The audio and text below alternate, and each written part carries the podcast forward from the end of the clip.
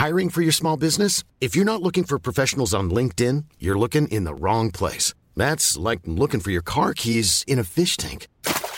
LinkedIn helps you hire professionals you can't find anywhere else, even those who aren't actively searching for a new job but might be open to the perfect role. In a given month, over 70% of LinkedIn users don't even visit other leading job sites. So start looking in the right place. With LinkedIn, you can hire professionals like a professional. Post your free job on linkedin.com slash people today.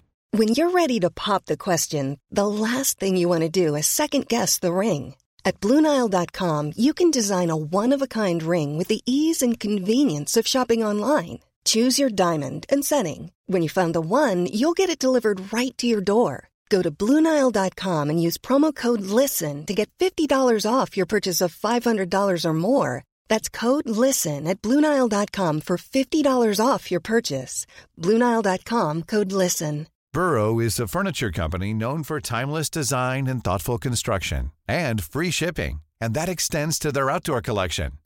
Their outdoor furniture is built to withstand the elements, featuring rust-proof stainless steel hardware, weather-ready teak, and quick-dry foam cushions.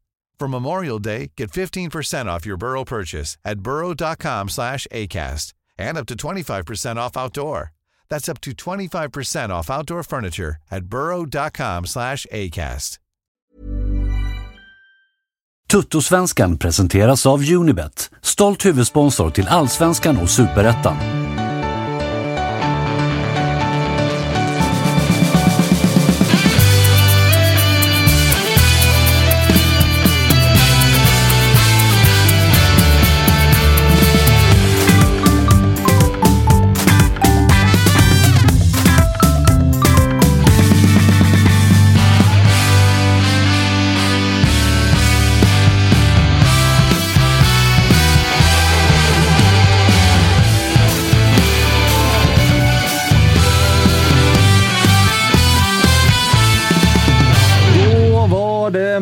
Och Toto-svenskan är tillbaka. Vi hade lite ledighet, vilket eh, ta mig fan behövdes alltså.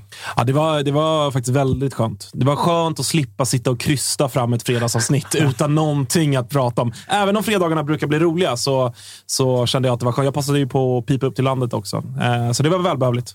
Josip, hur har ledigheten varit för dig? Eh, väldigt soffbunden. Jag kände av något, något märkligt här, om, eh, här i, redan i torsdag kväll. Fredag morgon där, att det var något som inte stämde med, med halsen och huvudet och kroppen. Så att jag har bara kurerat mig.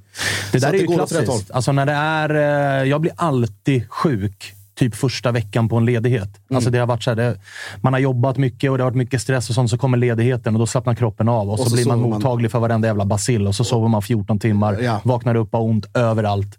Eller, så eller sover fyra timmar innan, vaknar, mår piss och går och lägger sig igen och vaknar två, Ja, två precis. veckor senare. Vad fan det är som har hänt. Nej, så jag har bara, bara kurerat mig och, och tagit det lugnt. Och varit förvånansvärt mycket landslagsfotboll. Vet, vet ni vad eh, Kalle har gjort? Kalle påstår Mm. att han i helgen har skruvat skåpsluckor och att han därför har ett R över näsan. Jag säger syn. Ja, vi, hade, inte. vi, hade ju, eh, vi hade ju företagsmöte här, så att vi, hade, vi hade en diskussion. Så jag blev påpucklad ordentligt av, av dig och August helt enkelt. Kalle, Kalle kom med ett förslag, då smällde det. Fan, kan vi inte göra så här gubbar? Boom! Ja, sen var det, sen var det över för. Kalle. Ja. Precis. Eh, hur mår du, Kalle? Efter då, smällen? Har du repat dig? Ja, jag har repat mig. Du har inget annat val än att säga att du mår bra, va? Nej, jag mår bra. vad är Vilka så här kodade signaler till chatt. Börjar lägga sig SOS. Det finns väl något sånt med siffror, liksom. Nöd, nödläge. Blinka så här. Kalle sitter, Kalle sitter Tre långa, tre korta. kör morsekoder med ögonen, Kalle. Som säger till chatten, hjälp mig. Ja, ja. Eh, men, och så har du haft bilstrul och allt möjligt. eh, så det har varit måndag för dig. Ja, det har varit en jävla måndag, så verkligen. Fan vad fint. Eh, hörni, det har ju varit eh, lite landslagsfotboll. Det har varit lite lugnare rubriker kring eh, den allsvenska bollen, men vi kan väl stanna till lite grann i landslaget. Det skickades ut en jävla intressant bild här eh, för bara någon timme sedan där de eh, har dragit på sig eh, tröjor, matchtröjor från moderklubbarna där ute. BP har flest spelare med på fyra, va? Sen därefter hittar vi Gnägget på tre.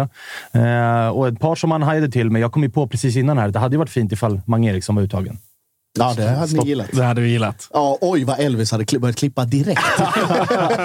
du vet, Nej, det- det- det hade I varit- realtid. hade ju liksom inte ens varit avsnittet avslut, utan det bara ligger ut. Jo, men det, alltså, frågan är ju hur eh, man hade gjort där. Mm.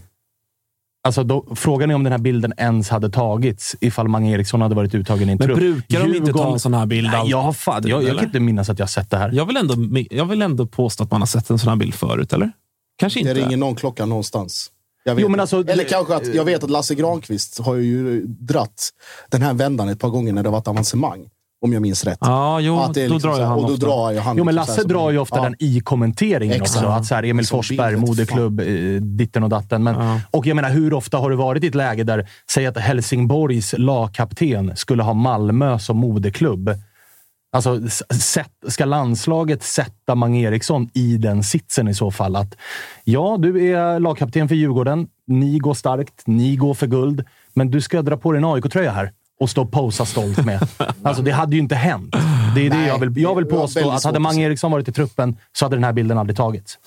Eller så hade han på något sätt avstått och så hade de kört någon fuling med att han eh, blev sjuk eller liksom sådär. Känning baksida, Känn- hemskickad. Ja, exakt. Hemskickad. Ja, precis. Eller lite försål- förkylningssymptom. Dragit lilla covid-kortet. Ja. Eh, och sen dagen efter bara, nej det var inget. Falskt alarm. Ja. Så nu är han tillbaka i träning. Det, det Jag reagerar lite här, förlåt, på, på Viktor Gyökeres. Vad är det, vad har vi, det, ser det är ju en IFK, någon form av. IFK-logga. Han är kamrat, eller? Eh, nej, men det är ju en Stockholmskille. Han är BP-fostrad, trodde jag, men han har alltså uppenbarligen varit någonstans innan. Kan det vara IFK Viksjö? IFK Lidingö?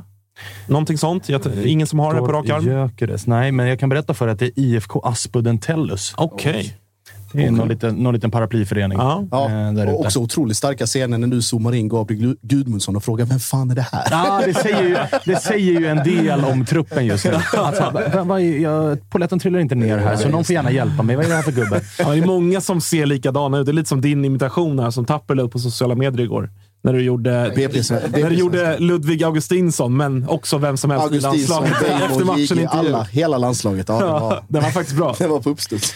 Men eh, hörni, såg ni... eh, Vi ska absolut inte så här, sitta och ta ner, ta ner och börja analysera landslaget, men, men det är ju bara att konstatera att det var ju var deppig historia nere Nej, jag, på... såg, jag såg fram till 1-1 och sen så... Chatten har en skarp analys här. Bäst på plan, det var nog ändå Serbien. Så kan vi väl landa i kanske. Bra, så bjud in den personen till studion nästa, nästa Där vecka. har, vi, där har vi en skarp jävel. Ja. Nej, men det, det är ja, jag, jag kollade också med ett öga, ska jag väl säga. Eh, för att det, fan, det var ju deppigt. Sen är ju Serbien bättre än på många år och, och när man kollar 11 mot 11 så har ju de ett bättre lag. Men det är ändå att Sverige åker och gör den insatsen och inte ens är nära. Trots att man ändå tar ledningen i matchen. Och då känner man ändå att nu borde Janne Andersson och gänget kunna liksom komma hem lite i banan. Shapea och hem shapea hem det här som man har gjort liksom varje eh, år med Jan Andersson. Eh, Men att det läcker så kolossalt bakåt som det gör. Visst, till viss del liksom lite nykomponerad backlinje och allt det där, men, men eh, det, nej, det, är, det är tråkigt och det dras ju såklart mycket stora växlar. Jag såg att Noah Bachner, som ju kommer på onsdag hit, eh, skrev en krönika om och liksom identifierade att det är, mycket handlar om liksom ungdomsfotbollen. Att vi kanske överskattar många spelare i Sverige. Att vi inte är bättre än vad vi, vad vi är just nu. Eh, och framförallt blir oron. Det är lite, man kan dra lite AIK-parallell till det. Att man blir också extra orolig utifrån att våra liksom, närliggande grannar och konkurrenter eh, liksom, det. lyfter och, och, och är på väg åt ett, eh, ett helt annat håll än vad vi är. Och då blir man ju såklart ännu mer sådär att allt är åt helvete här, precis som vi, som vi har i AIK. Eh, och det, jag, jag fattar ju den logiken. Och så här, Danmark, där har vi nästan gett upp nu. Alltså, den, de är- de är så ryggtavlan, är- den ryggtavlan är så långt bort Ja. att man ser den inte. Men det enda glädjeämnet i lördags, det var ju att Baggen också åkte på det Mm. mot Slovenien. Att det var så här, uff, bra, skönt att även ni kanske hackar. Nu leder väl de gruppen, men torskade i alla fall eh, den matchen. Så att vi, Mm. Sverige kan ju alltså åka ur. Ja, ja. Vi ligger sist. ja, ja. Och det kommer alltså, vi, vi kommer göra. alltså möta lag som Luxemburg. Och, alltså, vi kommer möta Vincent Till. Han kommer... Och det blir kryss. ja, exakt. Ja, alltså Luxemburg borta. Nej, det är så en tuff, tuff match. Ja, Örsen. Jag- Kittel. Jag såg någon, eh, jag såg någon, någon sammanställning av ungdomslandslagens eh, resultat. Om det är det här kalenderåret eller om det var två till och med. Det är, det är fan inte imponerande någonstans. Och så jävligt beskedliga motstånd. Det är någon grej som sticker ut här och var. Någon sån här 4-1 överkörning av Danmark eller eh, vad är det 5-0 mot Italien som var liksom så här wow, där man reagerade. Men i övrigt är det kryss, förlust, kryss, kryss, kryss, torsk, vinst, förlust. Liksom Så. Och det, det speglas ju också lite grann. Det stärker ju då Noahs, Noahs tes här om att det finns väldigt mycket mer att jobba på på lägre nivåer. Eh, och det gäller både liksom klubblag, det gäller eh, unga landslag och kanske Thomas var ju framförallt ute och, och vevade i de träskmarkerna. Att Oh ja, där är han ofta. Ja, men kring det här med eh, just vad är det som egentligen är viktigt för svensk ungdomsfotboll? Eller är det liksom att diplom och, och saft och bullar och att, alla, att man inte ska räkna mål fram till att man fyller 12? Eller är det faktiskt att utbilda framtidens liksom landslagsspelare? Ja. Så ja, nej, det är jävligt, jävligt svårt träsk. Och när man tittar, om vi bara ska ta Danmark. Jag har ju lite extra öga på, på den gruppen. Det var en jävligt stark grupp. Det är Danmark, Frankrike, Kroatien och eh, Österrike i grupp A. Eh, och där eh, Kroatien då, två senaste Nations League-omgångarna har varit horribla. Eh, jag tror man hade första omgången hade man 3-10 i målskillnad eh, och sen så gick man upp till 5-5 och nu gick man till 5-1 eh, på bara bortamatcher och går upp och så säkrar gruppsegern igår och går till Final Four för första gången i, i historien. Och Men liksom, det är så jävla märkliga... och, där, och att man i det sammanhanget, jag ska bara avsluta, att man slår Danmark ganska enkelt två gånger. Att man gör det både i Zagreb och i Köpenhamn. Ja, senast var väl inte enkelt, va? 2-1. Eh, 2-1 i Zagreb, jo, men där var, man, där var man det bättre laget också. Och där i Köpenhamn, där, var, där Danmark spelar ut Kroatien fullständigt i första halvlek och ska egentligen leda med fler, men där Modric kommer in, och ni vet hur Modric är, kommer in och löser det på egen hand. Men att man, att man lyckas där. Och det visar också vad Danmark står sig i de här. Nu spör Frankrike med 2-0. Deras ungdomslandslag fylls liksom på. Men fan visste vem Rasmus Höjlund var för två veckor sedan?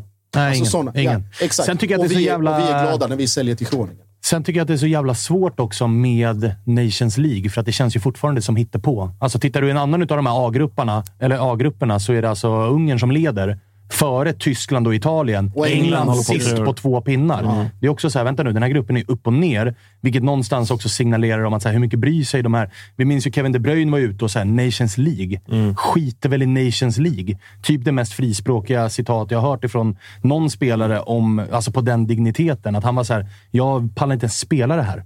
För att Problem- jag bryr mig inte. Problemet med det är ju att Uefa såklart också har, har, liksom identifierat den, eh, ja, vad man nu vill kalla det, inställningen eller brist på inställning som, som liksom landslagen och, och spelarna har till Nations League. Men problemet är ju att det faktiskt ju eh, liksom ger poäng till EM-kval. Så att Sverige, Sverige av allt att döma, jag vet inte om det är klart eller om det liksom återstår att se efter sista omgången, men, men eh, Sverige riskerar ju att bli tredje sidade till EM-kvalet för Ja, EM då, 2024. och då är det ju över. Och då, är det, ja, men då, då, då står vi där med Tyskland och Italien Och i är- samma kvalgrupp som oss. Och, det är det kanske- Eh, och då missar vi ett EM i Tyskland som då- vi, eller vi skulle det- varit liksom... Eller så är det precis det vi behöver. Att vi ska slå liksom, ur underläge mot de här stora lagen.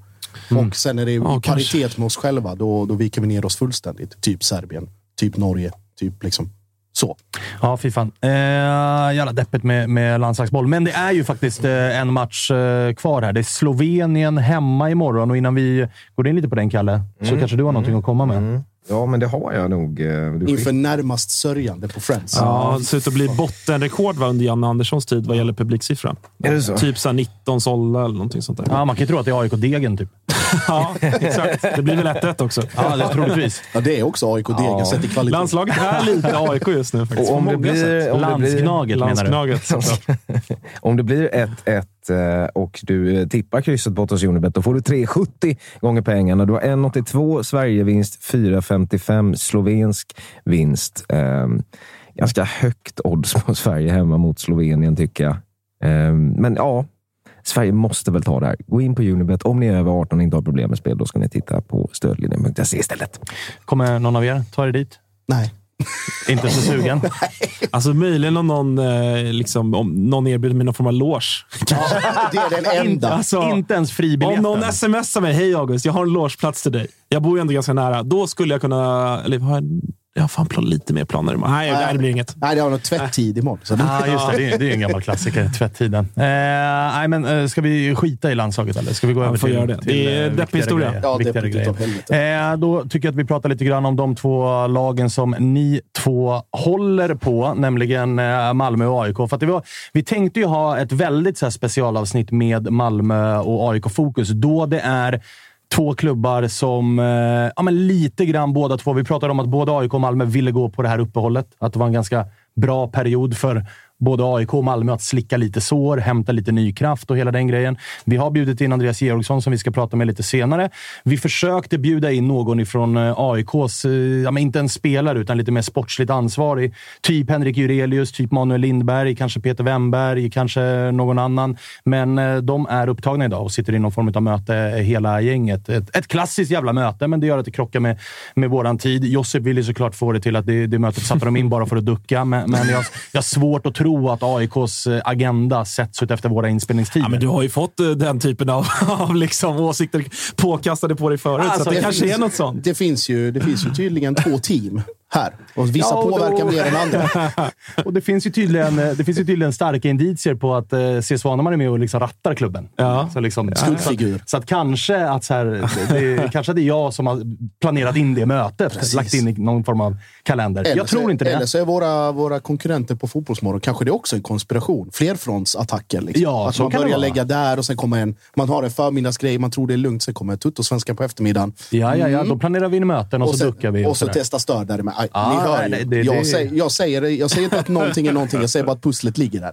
Det, det är upp till någon annan att lösa det pusslet. Exakt. Det vi kan konstatera är att i detta måndagsavsnitt av Totosvenskan så finns det ingen AIK, officiell AIK-representant. Men, eh, och det är också anledningen till att vi ska ringa lite senare Douglas i, i Mjällby och Albin i Kalmar för att prata om dels hur de två klubbarna mår, men också om Henrik Rydström och eh, Brännan, vilket ju är de två som är de hetaste namnen att ta över på tränarbänken i Malmö och eh, AIK. Men vi, om vi börjar lite grann med AIK, för Georgsson ska vi ta om eh, sisådär 45 minuter kanske. Eh, August, vad, vad, du har ju varit lack här nu. Ett par veckor. Ja. Och alltså, du, har, vi har ju ofta, du har ju varit med när det har varit så mindre än 24 timmar från avslutad match och allt bara kokar och alla ska avgå och åt helvete med, med livet. Liksom. Men nu när man har fått eh, landa lite grann, liksom, planen framåt här nu. Vad behöver AIK göra för att ta sig tillbaka till den nivå där man tycker att AIK ska vara? Ja, men den, den absolut största frågan är ju, är ju såklart tränarfrågan. Eh, vi har pratat om det tidigare och, och jag tror att den här gången eh, när AIK anställer tränare, eh, för att jag, jag liksom räknar kallt med att det inte blir Henok Goitom permanent, men att han kanske finns i någon form av liksom assisterande roll eller så. Det, och det välkomnar jag. Men den delen är ju det absolut viktigaste. Att man landar en tränare som har en vision, som har en tydlig liksom, spelidé, som visserligen är ett litet liksom, luddigt begrepp. Vad är det? Alla tränare har väl någon form av spelidé. Men enligt liksom, mitt sätt att se det så har vi inte... AIK har inte haft, alltså, så länge jag kan minnas mer eller mindre, har man inte haft en tränare som offensivt har en så pass tydlig idé. Jag menar, Rickard Norling har liksom gjort det Rickard Norling har gjort i AIK med guldet 18 och liksom fan den bästa defensiv man har sett någonsin, typ. Men att hitta en tränare som offensivt kan bygga ett AIK på sikt, oberoende av vad man har för kvalitet på spelare till spelare just den här säsongen eller det här halvåret. Eller att man inte är så, liksom, man är inte så sköra för en en spe, att man tappar en spelare eller att en spelare går in i en formsvacka, utan att man på något sätt helhetsmässigt sätter ett offensivt spel. Eh, och det landar i den här tränarrekryteringen, tror jag. Sen så finns det ju massa andra parametrar, men det är ju den enskilt eh, viktigaste. Mm. Ja, jag, jag tänkte bara just när du sa Rickard Norling att där är det ju också AIK som klubb och ledning och AIK, liksom, vad vill AIK stå för för fotboll? Alltså det här vägskälet som vi pratat om tidigare att Malmö står inför. Liksom med storstädning i truppen och alla de här europeiska meriterna och erfarenheterna som plötsligt både försvinner men ändå blir kvar i huset på något sätt.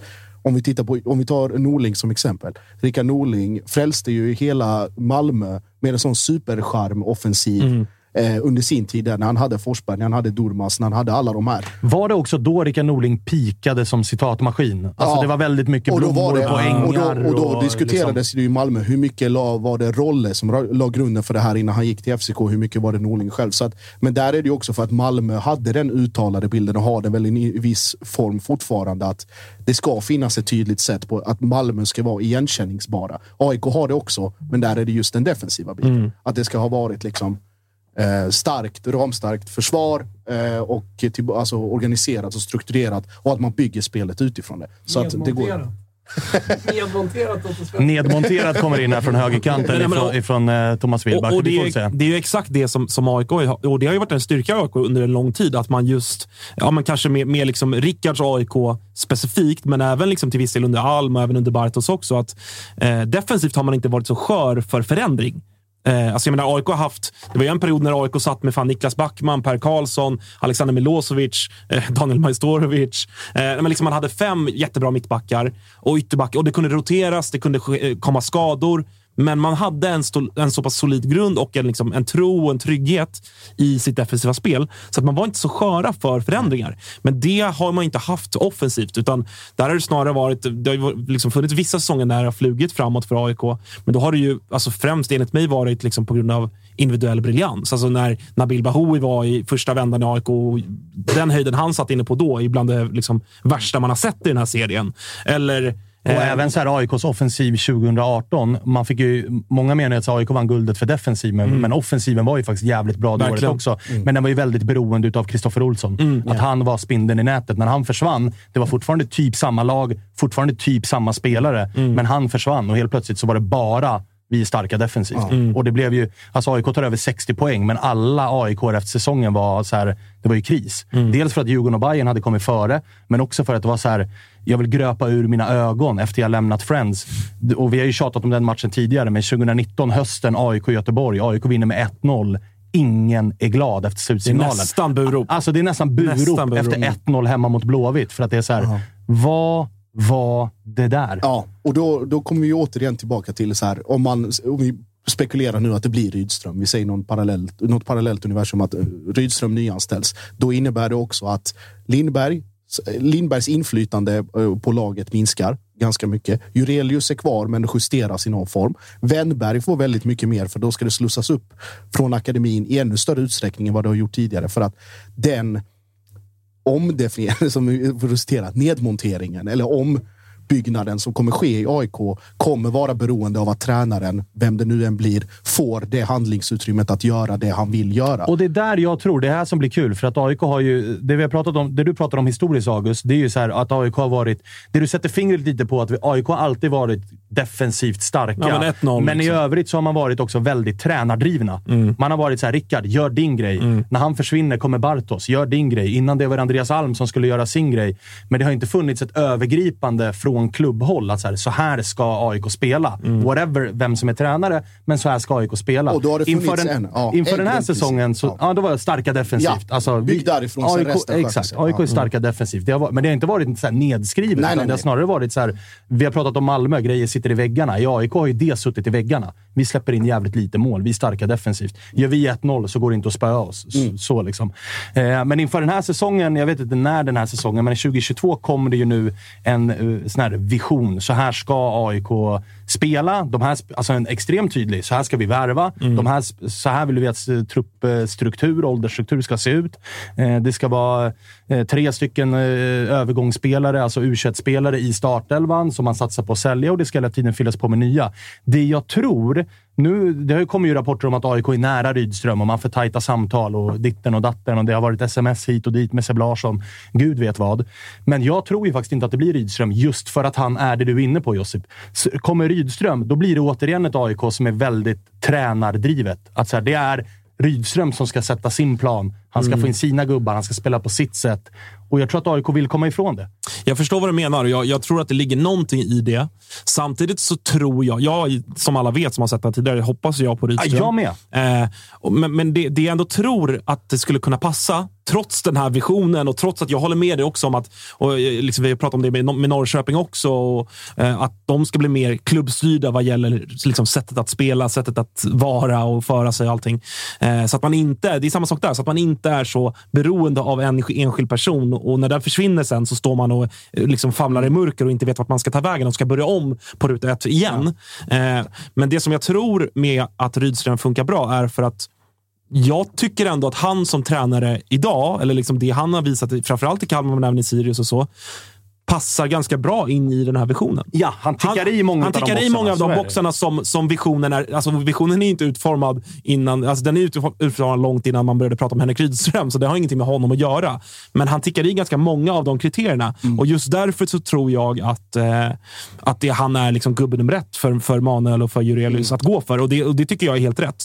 Jag, jag tror bara, alltså, här, för att återknyta igen, alltså det centrala blir att om du ska låta Rydström få det här jobbet så måste du också låta Rydström göra det han ska Precis. och vill Mm. göra. Absolut. För att det är traditionellt svårt i klubbar som våra, eller eller ursäkta, i Blåvitt, eller i, liksom, där det finns väldigt många som har väldigt mycket att säga till om. Och det kan te sig alltså, uttryck på olika sätt.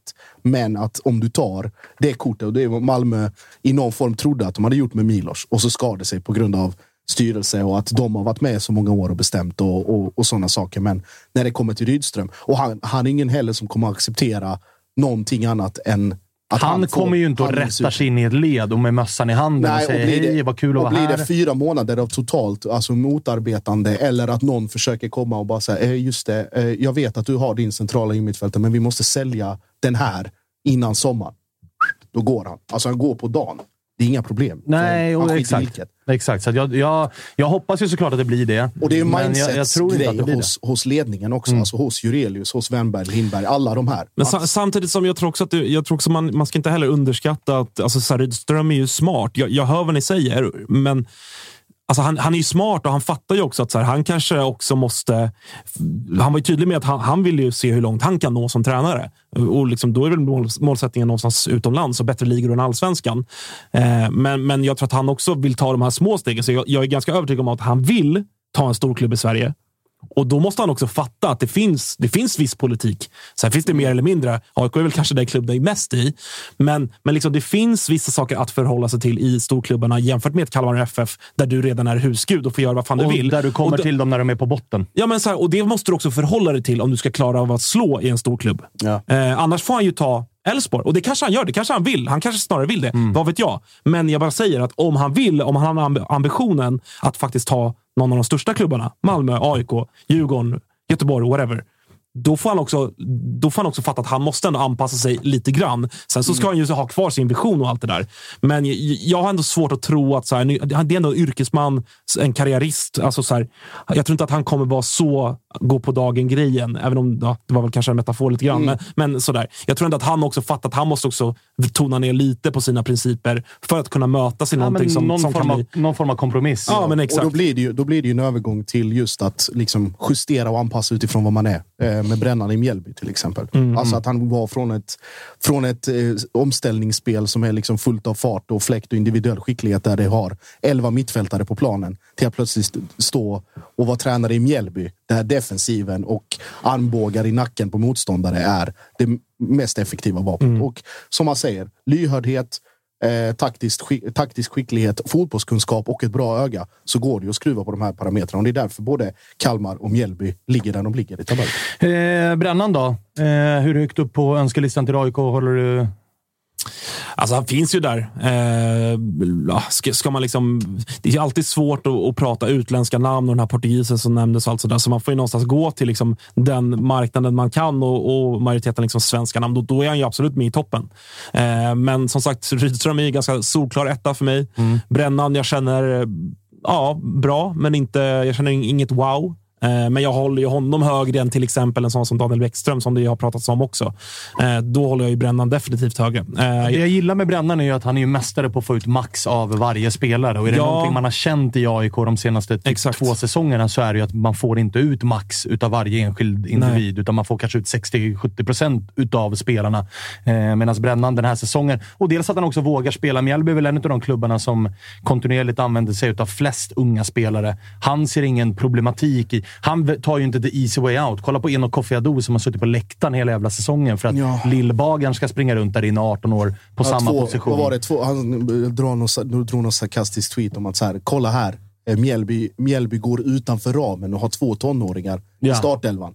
Och spelar med den yngsta startelvan i, i, liksom, i allsvenskan Ja. det här året. Så att, och det, där kräver det ju också att du, det är liksom det här vi pratar om. Principer och visioner kontra utifrån det materialet. Ja, menar, Varför ska det- han spela med en enbent Ado?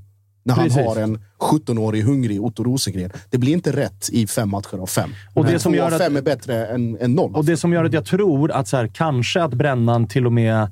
Alltså Brännan kanske tickar av lite fler boxar. Att så här, visst, han är inte lika offensiv i Mjällby, men det är ju för att det är det materialet han har att jobba med. Tittar vi på hans tid i J Södra, där han både kunde och borde tagit upp dem till allsvenskan, så var det ju ett extremt offensivt lag. Dessutom har han, till skillnad från Rydström, europeisk erfarenhet ifrån eh, ett halvår i, i eh, Hajduk Split. Eh, så att det finns ju även så andra parametrar där som är... För tittar man på Kalmar FF, det är inte jättemånga 19-åringar som får speltid. Utan det är liksom majoriteten av spelarna som spelar är ju liksom 25, 26, 27, Romario 38. Ja. Och, de, alltså, du vet. och de handplockade som har kommit är ju alltså Johan Karlsson och Nahom Netabay som man har haft i Sirius. Och de är inte... Nej, de är ju det, också... det är inte 17-åringar Det är 25 plus, den ligan också. däromkring. Men om vi Eh, tar, att- tar Brännan där vi pratade om i J Södra. Då var alltså ambitionen den säsongen för klubben att stanna kvar i Superettan. Superettans äldsta trupp och stanna kvar. Han är ett övertidsmål av Bayram Ajeti från att gå upp till Allsvenskan. Ja, med en extremt offensiv fotboll. och Gjorde hur mycket mål och, som och helst. året innan där med Dalkurd, eller de två åren innan där med Dalkurd till Allsvenskan med en budget på 2,5 miljoner kronor. Ja. Och det varför många i Malmö tänker är så här, åh nej, inte brännan, åh han kommer inte klara av det, det är en annan miljö, bla bla bla. Det är för att de ser för många likheter med Milos. Det är, den, det är de premisserna man går in med och tänker att ja, men Milos gjorde det bra i mindre klubbar, internationell erfarenhet, ass i Röda Stjärnan, bla bla bla. Ja, jo, jag, jag förstår den, den jämförelsen. Men det, som, som personer och som människor, de här två, är, det är ju total, alltså varandras totala Så är det ju. Och sen så här, hur lätt är det för klubbar i Allsvenskan att plocka från bättre hyllor? Alltså, det är ju typ Nej, omöjligt. Då ska du ju ta någon som har blivit dojad. Liksom. Ja, och då är och jag kan Malmös- tänka mig att Malmö har ju hört av sig till... eh, Gäst Torup. Ja, och Malmö har ju säkert också hört av sig och kollat. liksom. Det är klart att de har lyft luren och bara Ole Gunnar, men han, alltså, vad ska han... Han är såhär, vänta, jag gick från Man United nyss. Ska jag... Ja, och i Sverige, för att liksom ta den ekonomiska aspekten, betalar vi inte tränare så bra. Nej. Eh, alltså de, de är ganska lågt betalda om man tar i en trupp liksom, Mm. jämfört med spelare också. Eh, så att det, är klart att liksom, internationella namn som är vana med att kanske ha väldigt mycket betalt, eh, vad, vad ska de komma Mm. till Sverige för? Om det inte är så att de vill liksom, på något sätt studsa ut igen eller liksom, Ja. få, få någon form av Och- ja. nytändning. Liksom. Och kolla på det spektrat då, som vi säger. Vi har alltså i den ena änden Ole Gunnar Solskär, före detta tränare för Manchester United. Och i den andra änden Andreas Brännström, med, som är huvudtränare i Mjällby. Däremellan Per-Mattias Högmo, som har kopplats ihop. Eh, Henrik Rydström. Eh, vad fan var det med? Jess Torup, som har fått dojan från eh, FC Köpenhamn. Så att det finns lite precis av varje. Och det är därför, om vi, om vi pratar om att AIKs val av tränare och liksom ambition och målsättning och struktur kommer bli viktig för de kommande, säg två, tre åren. Så är Malmös ännu viktigare. För att gör man inte rätt nu och det inte blir hundraprocentigt rätt, då riskerar det att bli lex IFK Göteborg på 90-talet. Ja, men då kan det gå ganska snabbt Och då går det liksom. fort utför. Eh, Ett namn som har nämnts är väl också han Bo Henriksen, tidigare Midtjylland-tränare. Ja, och försvann Eh, ganska tidigt i ja. den processen just på grund av att det var väldigt mycket Mi- Midtjylland old school. Alltså långa bollar på två meters eh, anfallare och kämpa hårt. Mm. Det, ja. Känner man igen från AIK också. Ja, då, då blir det väl AIK för honom. då. Ja, exakt. Men, och Passar där, där, är väl så här, skämt åsido, men det, det är ju en sån grej som...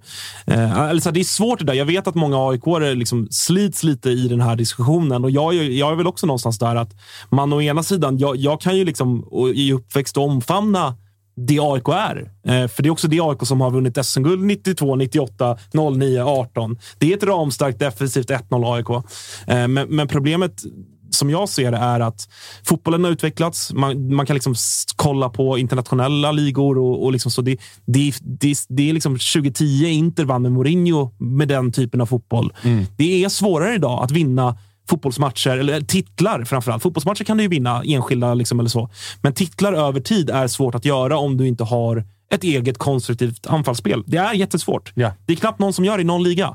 Eh, och därför Alltså tror ett, ett tydligt bevis på det är ju, alltså, jag som följer Serie A, det är ju Juventus. Mm, De ja, men- gjorde det, exakt. men nu ser de ut att gå liksom tredje Exakt. raka året titellösa med en tränare som är så här 4-4-2, Ja, exakt. Spela upp bollen på. Weston McKennie och tro att man ska föra något spel. Alltså, Ja, nej, det det säger inte. sig självt, det kommer inte gå. Eh, så att det är också jag tror att så här, vi AIK, och där har ju vi supportrar en del av det. Och, och som sagt, så här, jag, är, jag har också romantiserat 1-0-grejen och allt det där. Samma här. Men, men, men liksom, vi måste vrida det lite. Jag säger inte att vi behöver bli liksom vad vet jag?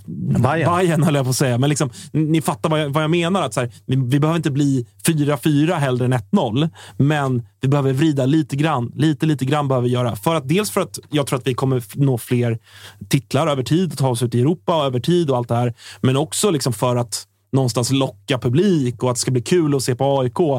Och för att jag tror att det kommer passa den typen av karaktärer AIK tenderar att producera upp i A-laget. Vi har mycket liksom förortskillar med god teknik. Vi, jag var och kolla- Offensiva spelare. Offensiva spelare. Jag var, jag var och kollade på, på våra, vårt U19 här i Uefa Youth League mot något lag från Luxemburg. Eh, och jag menar, slutspelsmatch där. Ja, ja någon oklar match, men de vann med 4-0 eller vad det blev. Och där, varenda spelare är ju liksom en... Det är de här konstgräslirarna som, som svensk fotboll producerar idag. Och att då spela ett liksom, mer traditionellt svenskt liksom, ja, 4-4-2 eller vad man nu vill kalla det. Det kommer vara svårt. Det kommer vara svårt. Ja. Ja, vi kommer också ha svårt att liksom få spelarna att flyga. Liksom, visst, nu har vi sålt Amar för jättemycket pengar och det är jättebra. Så att, jag säger återigen, jag vill bara verkligen liksom lägga tyngd på det. Jag, jag menar inte på att det ska bli High Chaparral. Vi ska fortfarande någonstans bygga utifrån det som är AIK, men vi måste kunna vrida lite grann på det. Och där, där, liksom, där har hela klubben mycket att göra. Hörni, vi ska ringa eh, Douglas Nordenbelt och kolla vad... eh, Tryckte jag på rätt nu, Kalle? Du får lägga på och ringa om ifall det, ifall det blev fel. Eh, Höra vad han har att säga om eh, Brännan och året som Brännan haft. Det är ju lite rörigt kring Brännan också, enligt rapporterna. Han har väl något kontrakt som är liksom, han kan förlänga och klubben kan förlänga. Och det går väl rykten om att han inte ska vara kvar. Eller Och så. den med lite eh, liksom, konspirationsteorier kan ju bara kolla på resultaten sen det där läckte ut också. Det är inga trepoängare nere på Listerlandet. Jag vet inte om det hör ihop. Dogge får väl svara. Dogge, hur är läget till att börja med? Eh, Det är bra med mig. Hur är det med? Det är eh, toppen. Vi sitter och pratar lite grann om... eh, Ja, vi har börjat med AIK här, men vi ska väl ge oss in på, på Malmö också. Och nu tänkte vi ta pulsen lite grann på hur läget är med Mjällby. Så, så vi börjar i den änden. Hur är det läget med Mjällby? Ja, men det är väl bra. Alltså, ser, det, ser man till hela föreningen så mår, mår Mjällby väldigt bra just nu. Det, ungdomslagen går bra. A-laget får man ändå säga att eh, det går bra. Eh, många egna unga spelare. Eh, ja, det är mycket runt omkring utanför och på planen som ser bra ut i Mjällby, tycker jag. Härligt. Du, vad, vi pratar om Brännan väldigt mycket. Han nämns ju i parti och minut när det handlar om den här jävla tränarkarusellen som ständigt pågår i den här serien. Men om vi börjar med, vad, vad skulle du säga att han, har, att han har gjort? För det var ju ett rörigt år för er tränarmässigt i fjol. Nu kom han in. Många trodde att det skulle bli extrem offensiv som vi såg i J Södra. Det har varit lite blandat utav det där, men, men vad skulle du säga är liksom det viktigaste han har gjort? Eh, Ja, jag vet inte om jag förväntade mig att det skulle bli någon extrem offensiv. Jag tycker Brännan var rätt och tydlig när han kom in på att han eh, ändå skulle anpassa sig lite efter materialet i Mjällby.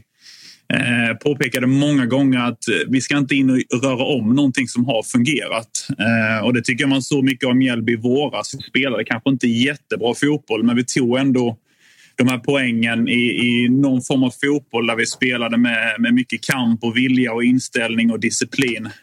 Um, sen vet jag inte om Brännan själv ens trodde på att det skulle gå så bra som det gjorde under början. Vi hade väl nio poäng på de fyra första matcherna. Slog Elfsborg borta. Vi har aldrig gjort det innan till exempel. Um, så att, eh, nej, men jag, jag, tror själv inte att eh, man kanske hade den här förhoppningen eh, att det skulle gå så pass bra till en början. Eh, sen var det väl någonstans runt sommaruppehållet där som Mjällby ändrade lite inställning och gick lite mer, mer kanske inte mot extremoffensiven. Vi kunde ju se Eh, häcken hemma bland annat. Vi spelade ju eh, fantastisk fotboll där fast vi tog noll poäng den matchen. Eh, så den, den fotbollen som var där kanske lite mer lik eh, Brännans grundliga fotboll hur han egentligen vill spela. Och så nu någonstans har väl hamnat lite mitt emellan. Eh, vilket vi också ligger i tabellen så man ser väl lite det på planen också att det är någonstans mitt emellan. Vi har inte riktigt fått ut kanske så mycket som, som man har velat senaste tiden. Men du, jag och många med mig nämner ju... Alltså Brännans namn kommer ju på tal nu när det är Malmö jagar tränare, AIK jagar tränare och hela den grejen. Och jag nämner ju att eh, liksom, hans kanske främsta egenskap enligt mig är att han är väldigt skicklig på att få ut max av enskilda individer. Alltså spelare som folk kanske inte ja, man, ha- hade så bra koll på innan serien startade. Eller spelare som kanske får lite så här andra chansen. Jag tänker på en sån som Jetmir Haliti som kommer från ett jättetufft år. Nu har han visserligen haft brännan tidigare. Men Jetmir Haliti har ju sett eh, alldeles jävla lysande ut under brännan. Och, och även spelare som Silas gör sitt första år i Sverige. Medan i andra klubbar, när man värvar 19-åringar ifrån andra kontinenter, så brukar man prata om att oj, här behöver det tid och tålamod och hela den grejen. Medan Brännan verkar vara liksom ut och kör med dig så kommer du göra tvåsiffrigt antal mål. Att han är duktig på det här man-man management. Ja, men han är väldigt duktig på det personliga. Han ser alla. Eh, det är ju, det är ju väldigt bra sammanhållning här. Alltså alla spelarna verkar trivas eh, extremt bra. Det är alltid god stämning på, på träningarna och där är ju Brännan bra på att hålla ihop gruppen och få verkligen alla till att bli sedda. Jag tror det var Silas efter AIK borta som sa i media att eh, Brännan är lite som min, min farsa, tror jag, tror jag han sa. Så att, Eh, Eh, sen, så, sen så var ju vår anfallssituation som den var under våren. Bergström var skadad. Eh, Widesen Paul fick också en skada. Eh, vi hade ju problemen och vi har väl fortfarande det lite. Inte kanske hittat rätt konstellation där på hur vi ska spela eh, anfallsparet. Så att, eh, det var väl på den vägen Silas fick chansen lite och han tog ju den. Vad eh, skulle du säga, alltså hur, hur, stort tapp skulle det vara för Mjällby ifall eh, Brännan väljer att hoppa på någon större klubb, med all respekt för Mjällby, till, till nästa säsong? Eh, ja, det, det, är klart ett tungt tapp. Vi, vi hade väl behövt den här kontinuiteten eh, nu, i alla fall på tränarsidan. Eh, även om kontinuitet kanske inte bara är just tränarsidan. Vi, vi har ju en kontinuitet på, eh, på spelardelen också som jag tycker vi ska jobba för att få behålla. Vi har fått byta väldigt mycket spelare senaste åren inför, alltså från säsong till säsong. Så att, eh, där behöver man också jobba hårt för att behålla de spelare man har och det hade såklart varit en eh, riktigt fin fördel att behålla brännan. Eh, för annars får man börja om lite igen, kanske hitta en ny tränare med en annan filosofi. Eh, sen har vi sett genom åren att eh, det inte alltid är tränaren. Alltså, oavsett vilken som tränar Mjällby så har, har, vi ändå sett att det kan gå jäkligt bra. Eh, Torsten som kom in och gjorde det bra, Lantz gjorde det bra, Milos gjorde det bra, Jonas Andersson gjorde det bra i division 1. Så att, eh, eh, många tränare har lyckats i Mjällby. Får man eh, ställa frågan till dig? Du jobbar ju inom klubben och sådär, men, men eh, vad tror du? Blir han kvar eller? Vad sa du? Blir han kvar eller vad tror du? Eh, han är extremt svårläst tränare. Alltså det, de, de, som, de som känner honom och varit lite nära. Det, det är en eh, svår människa att greppa på det taget vad han tänker och, och känner. Så. Sen är han fantastiskt rolig och trevlig. Eh, eh, men riktigt så djupt, man går inte in på de frågorna riktigt. Det, det, är lite, lite känsligt. Jag skojade lite om Röda Stjärnan när jag satt på kontoret för ett tag sedan. Då sa jag, fan nu bränner han ut skriver de här på Twitter att du ska till Röda Stjärnan. Och då trodde jag att det var något påhitt och då, då säger han till mig ja, livet leker, säger han. Och det var väl mitt i den här ettan då det faktiskt var, var rykten om Röda Stjärnan. Eh, jag vet inte, men om jag ska gå på någon magkänsla så är det väl ändå en liten fördel till att han stannar tror jag. Det, det, det är min magkänsla som säger det, även om media nästan har slängt fram det som att han inte kommer att vara kvar. Det är väl, det är väl bilden som Disco skapat hos alla att Brännan har redan lämnat Mjällby, men eh, riktigt så är det inte. Så det är inte, ni verkar ändå kunna garva lite åt eh, de skriverierna. Som, för att jag, menar, jag kan tänka mig att det är lite av en elefant i rummet. Att så här, fan var tredje dag skrivs det om att nu har Brännan sagt upp kontraktet och nu ska inte Röda Stjärnan och AIK är där och Malmö är där och det ena med det tredje. Och så kliver man runt där och morsar och hej hej. Bra ja, det är, men så är det. Så man, Tidningen kommer ju fram på morgonen vid varje frukost där vi käkar ju frukost tillsammans. Och BLT summerar ju rätt så bra. Det som de stora tidningarna skriver. Och de även lokala reportrar. Och Hasse Larsson kommenterade för ett tag sedan när BLT skrev någonting om att Mjällberg erbjudit Brännare ett nytt kontrakt. Och då säger han Ja, det var ju fan tre veckor sedan, jag, sedan vi gjorde det. Och, eh, så att eh, man kan skratta rätt så bra om grejerna. Men man kan, man kan kommentera dem också. Eh, och Ja, man, man är, jag är rätt så förvånad. Brännaren, Brännaren har bra insyn där. Han vet ibland grejer innan det händer i media. Så att, eh, vi kan diskutera mycket av de grejerna. Fan vad fint. Det verkar ändå vara ett gott klimat i, eh, i klubben. Trots att det liksom, utifrån sett så kan man ju tänka sig att när de där rubrikerna kommer att det blir lite stelare. Men det verkar snarare vara tvärtom. Eh Alltså det, det, är väl, eh, det har inte blivit, alltså det har inte blivit eh, så att man märker på ett tydligt sätt sämre stämning. Jag tycker alltid stämningen har varit bra här och det tror jag faktiskt är till Brännans eller till, till Mjällbys fördel då att Brännan skulle kunna stanna i Mjällby på grund av stämningen. Faktiskt att, jag tror att han trivs sjukt bra här och jag tror att majoriteten av alla tränare som är här trivs väldigt bra i den miljön som finns här på Strandvallen utanför och det, det är jäkligt fint, eh, fint att vara här och jag tror majoriteten mår bra av att träna Mjällby AF. Ja, Dogge, du som har med honom att göra på daglig basis. Det måste ju vara jävligt sjukt för Brännan att gå nu liksom i ett vakuum av att inte vara inblandad i någonting, varken med toppen eller med botten. Det var det första gången på tio år typ.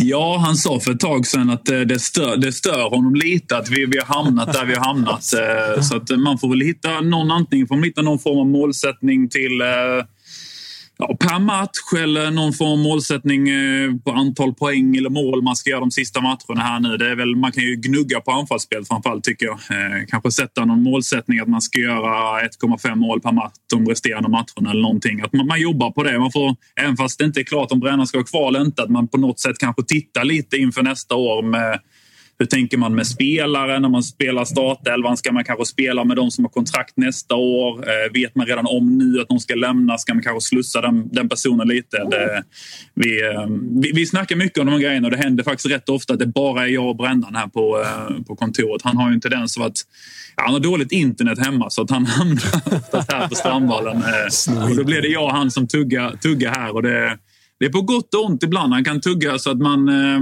kan komma av sig lite i, i sitt eh, jobb. Sitt, det jobbet man faktiskt ska göra. Även om det är jävligt kul att snacka fotboll med honom så kan han eh, hamna här bredvid mig istället och eh, stå och tugga fotboll i, två timmar om någon, någon spelare han hade för fyra år sedan som nu spelar proffs någonstans eller någon som han hade på provspel i J Södra som nu är division 2 och, och liknande. Han är, han är fantastisk på det sättet. Ja. Jag har eh, på tal om det, alltså just två målsättningar. För det första kan du ju kapa Tappers målsättning rakt av. Det här med att bli åtta. Två hemmamatcher i kuppen. Den, den, borde ju vara optimal. Ju. Nej, men framför allt Josip, ja. så har... Alltså det här, Dogge, ska du passa vidare till Brännan. Mm. Vi har ingenting att spela för och Paja hela den här grejen. Min andra alltså omgång 30. Djurgården borta. Ja. Där kan jag berätta att Mjällby har ett ganska ordentligt jobb att göra. Det kan man säga. Det, det är, alltså, det är ändå svartgula färger. Ni har ju jag en menar... gammal beef med Djurgården sen Päron-grejen på stadion och allting. Exakt. Ni hatar ju de där jävlarna. Ja, det... Ska du möta AIK omgång 28 också dessutom? 29, 29. till och med. Mm. Jo, men den, den där pratar vi om en match som inte betyder ett skit för någon, gissar jag. Men omgång 30, då ja. behöver Mjällby koppla på pannben. Ja, ja, men det, det... ja den, eh, den, jag ser fram emot den matchen. Ska dit och kolla på, på det också och säkert filma någon inside eller någonting jag från den matchen. Det, vi har ju haft den möjligheten 2010. hade vi möjligheten att sabba för, för Malmö. Vi lyckades tyvärr inte med det, men då, då gjorde ju HF supportrar någon form av insamling till Mjällby spelare, till någon lagkassa eller någonting. Och, ja, Häcken får väl göra det, eller om det blir något annat lag. Ja, det blir nog göra det. Det, blir, det blir en officiell Toto-svenskan-insamling.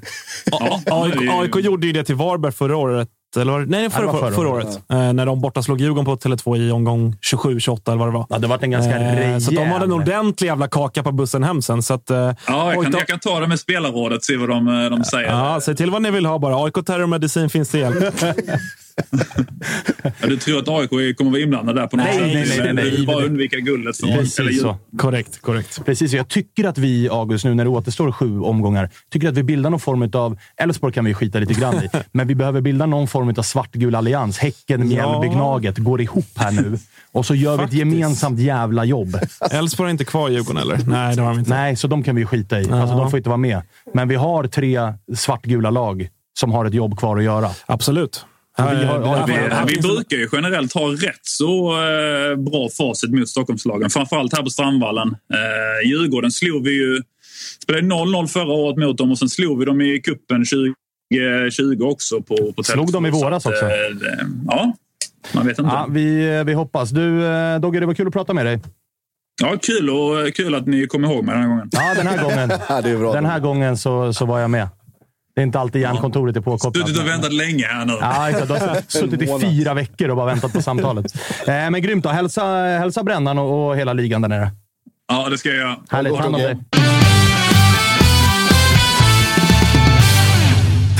Det här har jag missat. Han satt och väntade på samtal någon gång? Han skulle varit med i ett program. Svanen glömde ringa. Så han har suttit och, suttit och väntat i fyra veckor. Frågan är vad som är värst. Det eller när jag ringde Glenn i 2.30 ställde två frågor bara. Som att du äh, måste pipa vidare här. Och Glenn sa Jaha, ja, hörs i framtiden då. då, då är det nästan bättre att inte få samtalet ja, alls. faktiskt. faktiskt, faktiskt. Eh. Vi är väldigt stolta att presentera det här samarbetet, August. Det är ju tillsammans med Mindler och det är ju Sveriges största digitala psykologmottagning. Det är inga väntetider. Du träffar en psykolog vart du vill med din telefon. Ett besök kostar bara 100 kronor och frikort gäller då Mindler är en del av primärvården. Och varför är det så viktigt att prata just kring Mindler, Agge? Ja, men jag upplever, och många, många med mig också, att det finns ju det finns någonting eh, jobbigt att prata om de här sakerna och Mindler vill ju bryta stigmat som finns när det kommer till att prata om mental hälsa. Eh, inte minst bland män upplever jag det som att det kan, eh, ja, men det kan finnas en tröskel att, att faktiskt öppna upp vad man känner och hur man mår. Och därför tycker jag att det är väldigt glädjande att på senare tid så är det ju många idrottsmän och kvinnor, några i allsvenskan, som har öppnat upp och pratat om eh, sin psykiska hälsa på ett väldigt fint sätt, vilket jag tror eh, man kan vara med och bidra till att bryta det här stigmat. Verkligen, och du hade ju en liten intressant gäst i er podd för några veckor sedan. Det var AIKs psykolog med. Lyfta ja, någonting exakt. kring det här. Ja, men det var intressant. Eh, Jon Hasselqvist heter han och eh, det var ett eh, väldigt intressant samtal där vi, där vi kom in på hur mycket det mentala spelar in i form av prestation, men också hur viktigt det är att man som människa ska må bra för att prestera. Och Det går ju att applicera såklart på fotbollsspelare, men också på sådana som du och jag, alltså vanliga människor i sin vardag. Att det är, eh, det är viktigt att lyfta upp det här till ytan och att eh, hantera det. Verkligen, och känner ni att ni vill ha någon att prata med så finns ju Mindler där för er. Och det som är så himla bra är att du väljer själv vilken psykolog du vill prata med och du kan byta om du känner att ni inte riktigt klickar. Och Mindler finns ju för alla som är plus 18 år. Så gå in på mindler.se och läs lite mer och boka din tid hos en psykolog redan nu om ni känner att ni behöver liksom hjälp kring det här ämnet. Stort tack till Mindler. One size fits all seemed like a good idea for clothes. Nice dress. Uh, it's a it's a t-shirt. Until you tried it on. Same goes for your healthcare. That's why United Healthcare offers a variety of flexible, budget-friendly coverage for medical, vision, dental, and more. So whether you're between jobs, coming off a parent's plan, or even missed open enrollment, you can find the plan that fits you best. Find out more about United Healthcare coverage at uh1.com. That's uh1.com. Mother's Day is around the corner. Find the perfect gift for the mom in your life with a stunning piece of jewelry from Blue Nile. From timeless pearls to dazzling gemstones, Blue Nile has something she'll adore. Need it fast? Most items can ship overnight. Plus, enjoy guaranteed free shipping and returns. Don't miss our special Mother's Day deals. Save big on the season's most beautiful trends. For a limited time, get up to 50% off by going to BlueNile.com. That's BlueNile.com. Uh, Josip Brännan, hur Mm. högt på önskelistan uh, till Malmö FF står han? På min högt. Ja. På den absoluta majoriteten av alla andras. Inte högt? Hel- Helst inte alls. Okej. Eh, Jag tror att det här är, alltså som vi var inne på, det här är Folk stirrar sig nog ganska blinda på Lex Milos. Att det är för mycket copy-paste, både till meriter och stege och karriär och liksom sådana saker. Däremot tror jag, alltså det som, som övertygar mig och som jag liksom är, är helt hundra på att Malmö behöver från och med nästa år, är just det som Dogge pratar om lagbyggande, moralbyggande, alltså vilka du ska göra det nya MFF kring. Alltså så många som kommer försvinna. Vilka ska bli ledande individer? Hur ska du få dem att växla ut? Alltså ta bara Zeidan som exempel. Det var ju med J Södra och allt vad som hände där. Och, och det var ju samma tränare, så jag säger inte att det blir, kommer bli likadant där. Men om du har gjort det så med en spelare och så kommer du till andra egon och så ska det komma upp folk från, från akademin i MFF med liksom bröstet utåt-attityd och att bli matade från att de är sex år gamla. Att alla vill slå er hela tiden. Hur maxar du ut det och får, får ut det från den och med den och med den och med nyförvärv och Buya Turay och hela, liksom alltihopa, hela det här paketet som ska bli MFF 2023 och framåt. Att förvalta alla de här positiva grejerna som man har fått med sig från Europa-erfarenhet med klubben och allt vad det innebär. Och sen samtidigt då maxa ut allting ur den truppen som finns och som han kommer ha att göra med. För scoutingen klarar han uppenbarligen av. Han har ett bra fotbollsöga. Han vet vad han ska leta. Han har relativt etablerade kontakter nu även utomlands. Det finns saker att hämta kring och att Malmö på något sätt som jag varit inne på innan som jag fick äta skit för på något forum. Jag fick lite skärmdumpar, garva ganska bra. Att det finns någonstans i realiteten inom de tre åren att det går inte att förvänta sig att Malmö ska vinna guld varje år för att det är så pass stor ombyggnad som kommer ske. Och då blir det återigen än viktigare att eh, tränaren blir rätt. Sen kommer Men- styr, styrelsen kommer jobbas undan. Det, är liksom, det finns årsmöten och det finns folk som, Ja. som ska ro- rodda i det. Den sportsliga ledningen med Georgsson och Daniel Andersson, de, de sitter där de sitter. Men tränaren, allt, ska- allting ska vara i samklang och den truppen som ska byggas, det, det måste bli rätt. Det måste bli rätt. Men det- Sen om det är Brännan eller någon annan. Men vad, hur ser du på tränarrollen i Malmö då? För min bild utifrån är, är att med tanke på liksom de ekonomiska musklerna Malmö har och liksom framförallt då, eller tack vare det, så har man skapat en organisation som i jämförelse med de andra klubbarna i, i serien är liksom på en helt annan nivå. Den är större, den är, den är mer kompetent, den är bättre på alla sätt och vis. Min In, bild... Inte marknad då kanske? Eller Josip? Mar marknadssidan? Don't get me started. Det är se- separat poddavsnitt. ah, okej, bra. Eh, men, men se, för att jag ser väl jag ser lite annorlunda på liksom, tränarrollen i Malmö FF kontra kanske andra svenska klubbar. Eh, att, att i Malmö ska du någonstans... Jag tror inte att ni någonsin, höll jag på att säga, men i alla fall i någon form av hyfsad närtid, kommer ha en tränare som sitter mer än tre säsonger, max. För, att jag, för att jag tror att så här, det man, det man, i, i Malmö, ja, men dels är det ju så extrema krav utifrån att ni har det försprånget ni har. Så att så här, folk tycker att den här säsongen är en fiaskosäsong, även fast ni har ett gruppspel. Kommer säkert lösa tredjeplatsen och så vidare. Men jag, jag tror att det, liksom, det behövs bara någon som kan gå in och liksom, krama ur maxresultat här och nu. Gå in och jobba stenhårt med den här truppen eller den här liksom, årsgången eller vad man ska säga, av trupp i två, tre säsonger. Och sen ut, byte.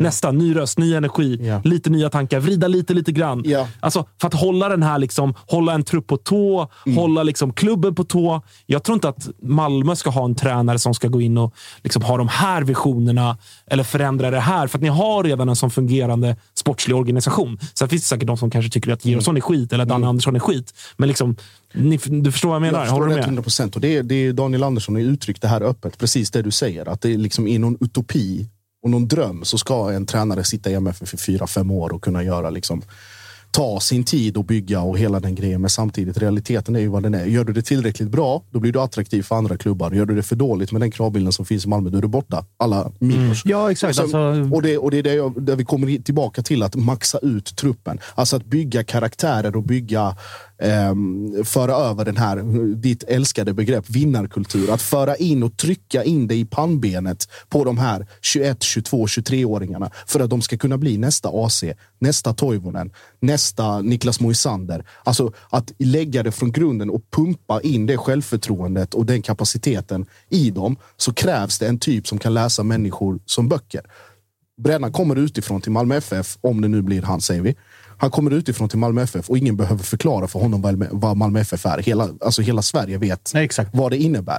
Men kommer det någon utifrån, då tar man med sig de instruktionerna här. Man har varit där i den miljön, så hit och dit. Det kan bli supersuccé och det kan bli su- alltså, totalt platt fall. Vad jag menar är att du måste ha någon karaktär eh, och en typ av människokännare som gör att du kan omsätta allt det här fina och eh, liksom pampiga och överdådiga som finns i MFF i praktiken i den här liksom hungriga, respektlösa eh, vad heter det, hänsynslösa, nästan cyniska attityden som vi har sett Malmö prestera alltså, år tillbaka. Och nu kommer det inte bli med Christiansen, det kommer inte bli med Toivonen, det kommer inte bli med Jonas Knutsen, Martin Olsson, Lasse Nilsen. Det är för fan, det är bara titta på, det är tre nya mittbackar som ska in.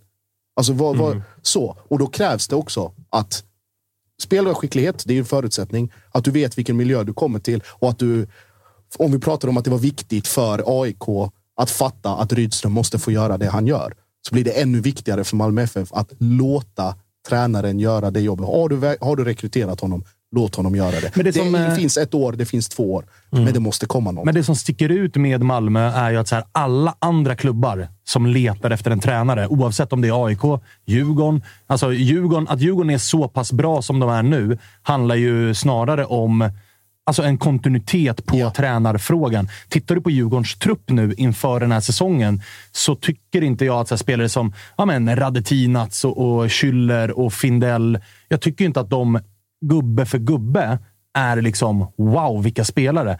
Men när de får jobba i ett system, ett system som funkar, ett system som är inarbetat, som alla kan. ut- Vi har pratat om det hundra gånger. Det spelar ingen roll vilka Djurgården sätter in i elvan. De är hur jävla bra som helst ändå. För att alla vet exakt vad de ska göra, hur de ska göra det, när de ska göra det. Hela den biten. Och, ja. Medans, och, och samma sak som AIK nu. Så här, det man skriker efter är så här, vi måste ha en tränare som kan sätta en offensiv spelidé. Medan i Malmö, Malmö har inte haft samma spelidé framför, från säsong till säsong. Det man har är däremot ett kollektiv av individuellt skickliga jävla spelare som gubbe för gubbe egentligen kanske är jag hatar uttrycket egentligen, men du fattar vad jag menar. Så här, lite för bra för serien. Du hade lika gärna kunnat spela i en bättre liga utomlands.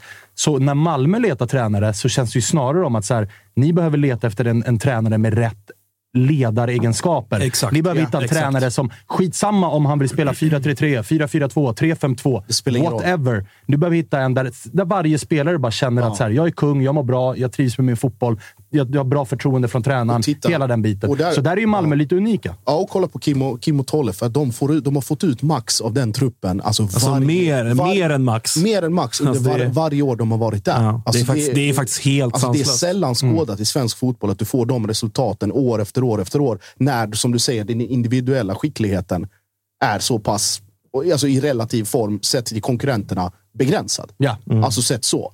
Eh, och då pratar vi om ledaregenskaper och många Många förespråkar i Malmö att det ska vara någon sån här old school, liksom Hareide, Rössler, Jon Dahl Tomasson typ som ska liksom peka med hela armen och vara nästan lite, lite diktatorisk så. Jag förstår var det kommer ifrån. Samtidigt, eh, ska, ska du vara för liksom hur ska jag säga, teoretiskt och mjuk lagd åt det hållet, då kan det bli att då spelarna, liksom, med, med tanke på vilka, vad de kommer in med för, för attityd och, och självbild och hela den grejen. de- vad vet du? Du, vet ingen, du är för mjuk för det här jobbet. Så att någonstans mitt emellan bör man nog leta. Ja, och sen så här, det... är ju ingen idé för Malmö egentligen att Nej. leta efter en tränare som är så här, dig ska vi ha i fem år.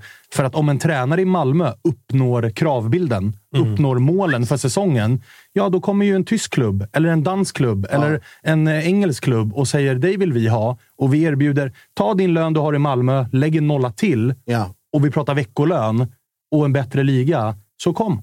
Ja. Alltså, Åge Hareide gick till danska landslaget. Ove Rösler gick till eh, Bundesliga. Jon Dahl Tomasson är nu i Championship. Ja. Och de gör er efter bara ett eller två år i Malmö. Så det är egentligen ingen idé för Malmö att så här, nu ska vi ta en tränare som vi ska ha i fem år. Nej. För når han, sina, når han det han är anställd för att göra efter ett år, efter två år, ja, då är det ju tack och hej. Ja, och då pratar vi återigen alltså om... Det måste vara svårt för ja, det är eh, skitsvårt. Och då är det, och Daniel och då är det åldersstrukturen i truppen. För har du någon som är 25-26, alltså som är inmatad i det här från sin föregående tränares system, då är det som ett rullande maskineri. Alltså de har varit där, alltså de, de kan det. Men om du ska bygga nytt och bygga om och bygga liksom runt, säg två, tre centrala individer i det här laget. Vi pratar, kan prata Mustafa Zidane, Isak Kiese Thelin, eh, och säg, fan, ta som exempel Felix Beijmo. Om de ska bli de tre centrala till nästa år, de tre spelarna. De har haft sina tränare, de har haft det här med det ena, med det andra, med det tredje. Men det ska bara liksom, det ska slipas, det ska tryckas på rätt knappar, justeras här och där. Och sen kommer det också rulla. Och sen när, när Brännan eller nästa tränare är borta, då kommer det sitta kvar. Och sen är det andra justeringar. Men man måste hitta tillbaka till grundspelet, grundidentiteten och sen så, så kommer mycket av det där att lösa sig själva. Sen, vi, nu ska vi ringa Andreas såklart, men styrelsen och liksom där i Malmö. Folk måste bara bestämma sig för vem fan det är som bestämmer. Det måste upphöra det här. Någon ska lägga sig i någons jobb här och där och någon ska ha åsikter och, och frågor hela tiden. Har vi den tränaren vi har, låt honom bestämma. Funkar det inte, ja, då, kan inte då kan inte någon komma och säga en sak, någon annan en annan och tränaren står för en tredje. Det funkar inte. Det går inte.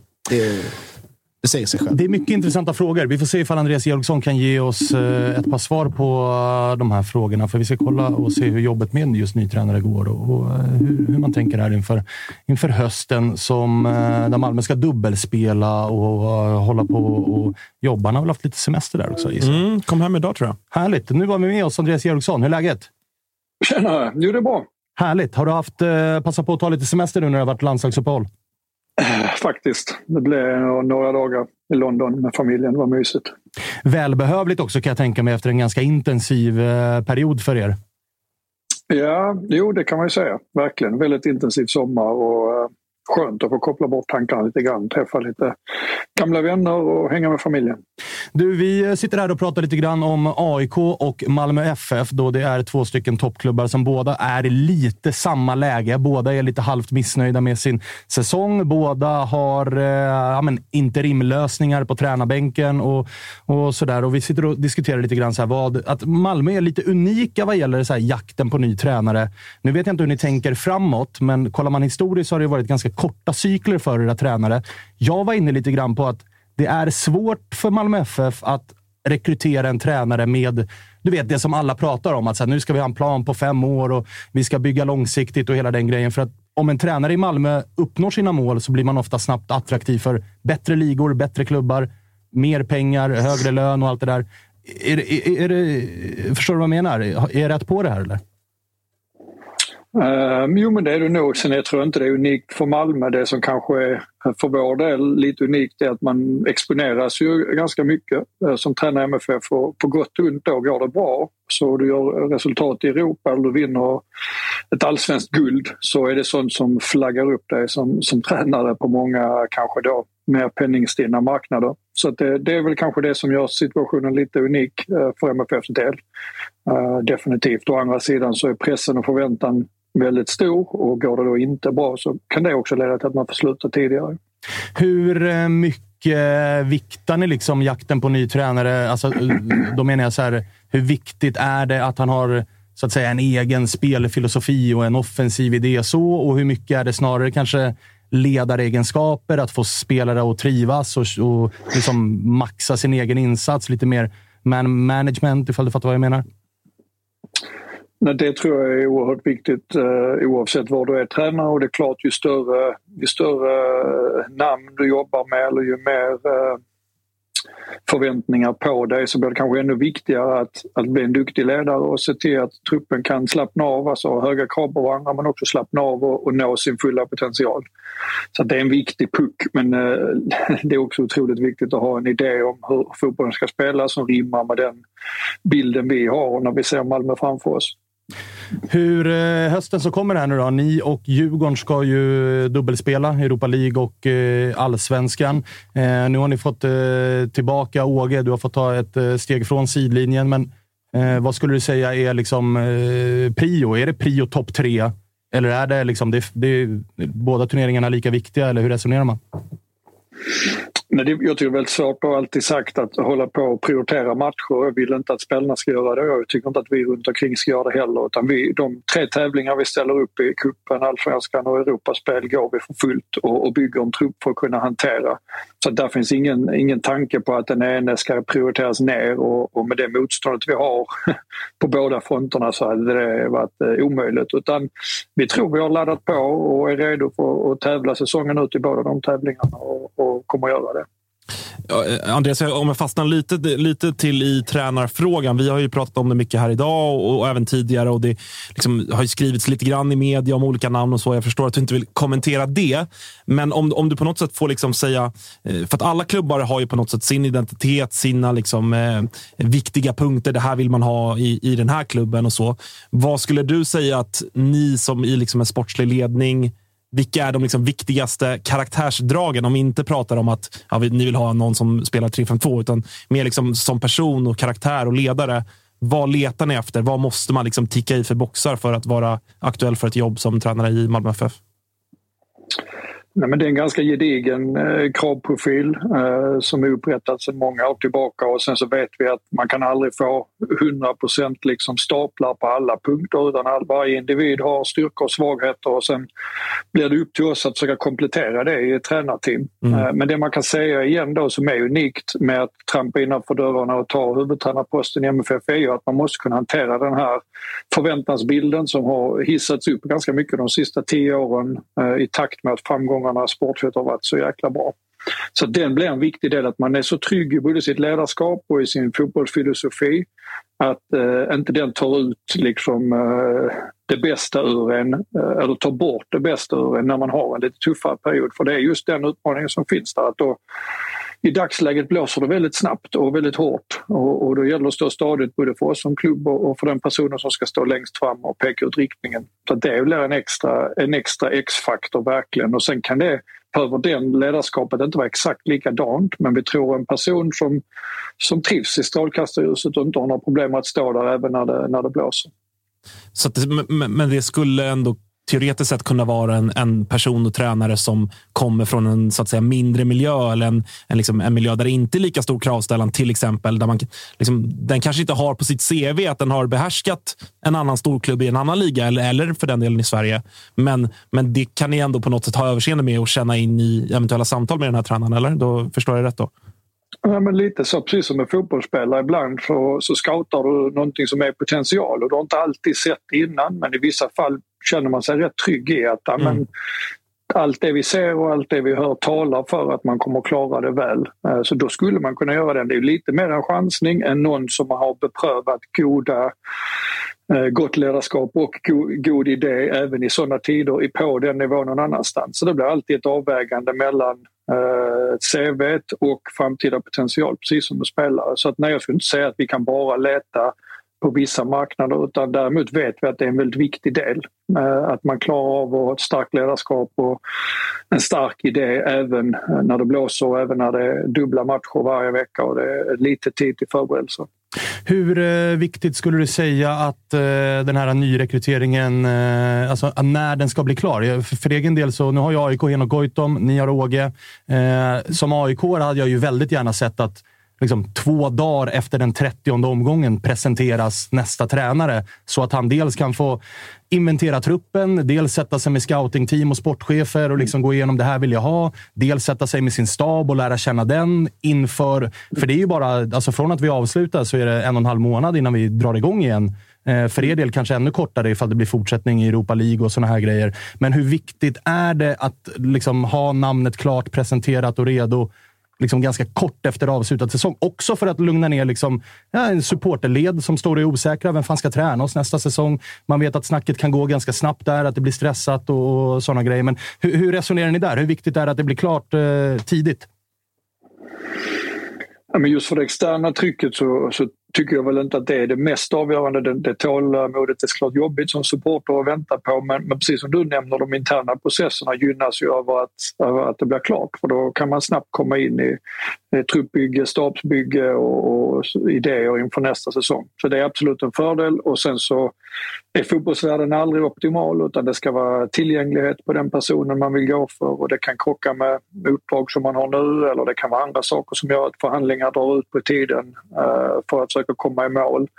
Så att det är det absolut optimala och det är klart tidigt efter säsongen men, eh, men vi sätter ingen deadline för det.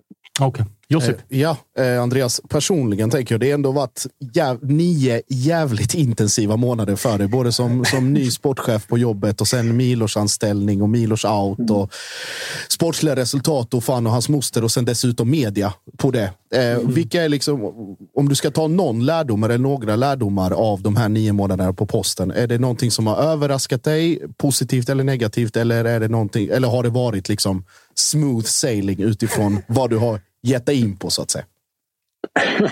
Smooth sailing eh, är hade svårt att, förklara det med det faktiskt. Utan det har ju varit extremt eh, intensivt och händelserikt från att egentligen eh, anställa ny huvudtränare till en ganska knäpp majmånad där vi hade en, en konstig skadeperiod där allt kom på en gång till cupguld och sen till en period där vi då väljer att ta bort en huvudtränare som vi hade trott och hoppats skulle vara en mycket mer långsiktig lösning för oss eh, till att själva träna i, i nio eller tio matcher och eh, komma till ett Europa League-gruppspel och nu eh, hitta tillbaks i rollen som sportchef. Så det är klart det har varit den har varit lite för knäpp för oss. Det var inte det jag hoppades på, inte MFF heller när vi går in i året. Så att de sportsliga resultaten kan man alltid, att vi ligger fyra nu, okej, okay, det, kan, det kan hända att man har en, en, period där marginalerna går emot och vi inte presterar fullt men det har varit ett lite för stökigt år för att man ska känna sig helt bekväm. Ehm, I det såklart är det massa lärdomar, kanske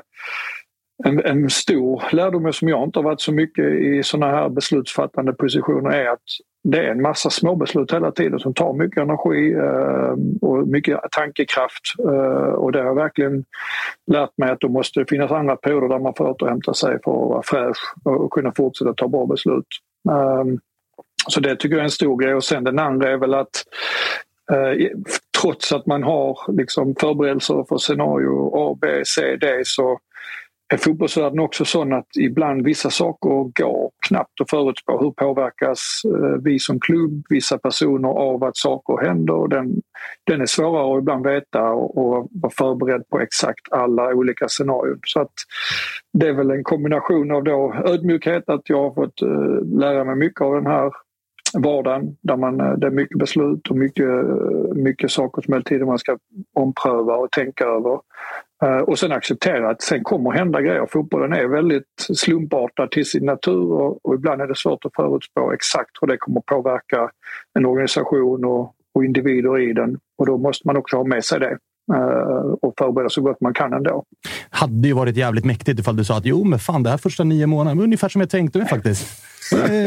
ja, men det, det, är ju så när det, när det då är tufft och det har varit några tuffa veckor såklart. Både när vi skildes från Milos och även när vi hade lite dåliga resultat i Allsvenskan så blir det ändå en, en eh, för mig alltid varit en, en viktigt mindset att påminna en själv om att ja, även när det är tufft, det är ofta då man lär sig som mest och det är då man tvingas tänka igenom, okej okay, vilka grejer borde jag ha gjort bättre eller vi gjort bättre tillsammans och, och vilka grejer kan jag faktiskt vara stolt och, och stå rakryggad med fastän utfallet just den här gången inte blev bra. Mm. Eh, en annan grej, alltså påverkan på, på det kan vara enskilda medarbetare eller spelare eller er som organisation och sådär. Jag har ju använt den här plattformen, de här två bredvid mig vet ju, jag har ju använt den här plattformen för att vara jävligt gnällig mot er i år och kritik till höger och vänster och ifrågasatt egentligen, ja alla utom vaktmästarna känns det som.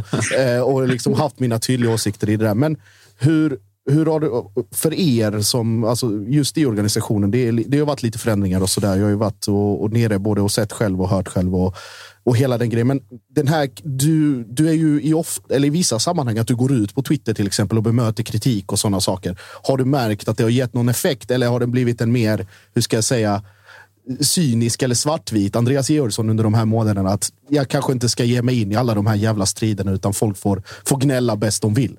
Eller är det någonting mittemellan?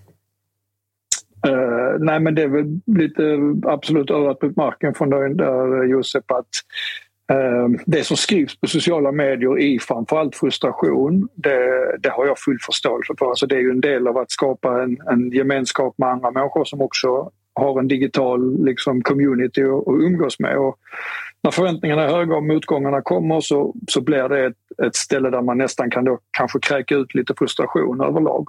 Och det märker jag när jag sitter i de här positionerna så är det inte särskilt gynnsamt att jag liksom tar till mig dag ut och dag in. Så det har blivit någonting man får ta ett steg bort ifrån. Därför är det någonting jag har lärt mig de sista fem åren när jag varit på A-lagsnivå är att äh, tyckande och åsikter är väldigt viktigt i fotboll. Det bygger intresse och det, det, är en stor del av att få vara i en medlemsägd förening.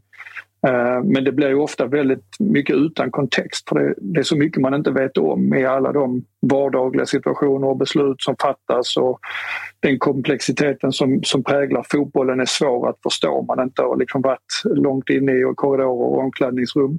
Eh, så då blir det också att mycket av den typen av tyckande är svår att ta till sig. Man blir ganska hårdhudad mot den därför den, eh, den är mycket gjord i frustration och, och den saknar ganska mycket kontext. Eh, däremot så tycker jag ofta, inte minst de journalister, att man kan sitta i lugn och ro vid andra tillfällen och verkligen diskutera. Och där finns många som har stor eh, tankeverksamhet och bra insyn där man kan ha en bra diskussion. Och den har jag aldrig vägt för som det här forumet eller andra tycker jag bara Ibland kan man också få väldigt bra input och, och tankeställande grejer. Men just det här vardagliga, liksom slänga ur sig saker med fyra sekunders betänketid i frustration. Den tror jag faktiskt varken spelare, tränare eller fotbollsledare gynnas av att ha i ansiktet hela tiden för att den, eh, ja, men den blir väldigt destruktiv. Mm. Och en, en sista innan, vi, innan jag släpper dig i alla fall, ska du få gå vidare i ditt liv. Eh, jag tänk, vi, vi diskuterade här innan, jag vet inte om du hörde, men just eh, valet av tränare och lite var MFF står inför kommande säsong. Att det är väldigt många utgående kontrakt och det är en förändrad åldersstruktur som väntar och många ledande spelare som kanske är i valet och kvalet med hur de ska göra med sina egna karriärer i förhållande både till sig själva, sina familjer och till Malmö FF. Men hur känner du på något sätt att det här valet som, som ska komma, eller om vi spekulerar, kanske redan är gjort, att det är viktigare än på många år? Eller är det ett, liksom, ett i mängden? Eller är det att man, att man väger, väger in och tar det för vad det är lite grann just nu? Nej, men det är väl ändå ett i mängden. Det är klart att varenda gång en klubb byter huvudtränare det är ju ansiktet utåt och den som skickar de tydligaste signalerna för var, var vårt A-lag hela tiden, vecka till vecka, är på väg. Så den skulle jag säga att varje klubb alltid tycker är super, super viktigt. Eh, och likadant nu. Eh, sen så är den kanske det är klart den personen längst fram är oerhört viktig men sen handlar det också om att bygga en stab runt omkring så Tycker man bara att man har hittat rätt person så kommer den aldrig ticka i alla boxar oavsett vilken nivå du är på utan då behöver du bygga en grupp runt omkring som kan komplettera de grejerna som kanske huvud, huvudtränaren inte har. Eh, så det handlar också om att få ihop en helhet där eh, och titta vilka resurser har vi och, och vad behöver vi komplettera med. Eh, vad är tajmingen? För det är också så att en otroligt bra tränare kan vara rätt vid en tidpunkt och sen kan det faktiskt vara fel vid, ett annat, vid en annan tidpunkt för den gruppen eller för den klubben. Det gör det ännu knepigare så att därför gäller det att försöka förutspå hur kommer de olika trådarna liksom i det här pusslet allihopa gå ihop eh, för att det ska bli en så bra totaleffekt som möjligt. Och det, det är väl det pusslet som tack vare att vi inte hittade en lösning inom de första månaden efter att Milos lämnade så valde vi att men då är det bättre att få in Åge så att jag kan fullt ut få, få gå in i den processen och bygga stab och bygga trupp inför 2023 och såklart framtiden. Men ni har inte eh, gjort något val ännu alltså? Nej, vi är fortfarande i den processen och kommit en bit på vägen och, och både har många samtal, intervjuer och referenstagning. Och det, blir en, eh, det blir en väldigt gedigen process. Hur många, får man fråga eh, hur många kandidater är ni nere på? Är det tio alla, kvar? alla sådana detaljer tror vi vi gynnas av att ha för oss själva. Ah, utan, okej. eh, Vi jobbar på eh, i, i det tysta. Jag, jag kan avslöja att jag, jag har inte blivit uppringd än. Så att det, Nej, okej. jag vill bara nej, säga. det, det förstod vi allihopa. Du, eh, en Det är annan fråga. sent än. Nej, exakt, det kan komma. Det kan komma. Eh, men du, eh, en sista grej då innan eh, jag känner mig nöjd också. Ni har ju, det har vi inte pratat så mycket om. Det har varit mycket fokus på tränarbiten nu. Men ni har ju också en hel del spelare som sitter på, på eh, utgående kontrakt. Eh, har, ni liksom, har man redan nu bestämt sig för hur man ska göra med vissa eller är det så att man bara sitter och väntar och vi får se vem som kommer in som ny tränare först och ifall den vill ha dem? Eller hur jobbar man där i en sån här situation där man sitter med en interimtränare som inte ska vara kvar? Han kanske jättegärna vill spela... Alltså Åge kanske vill ge jättestort förtroende till...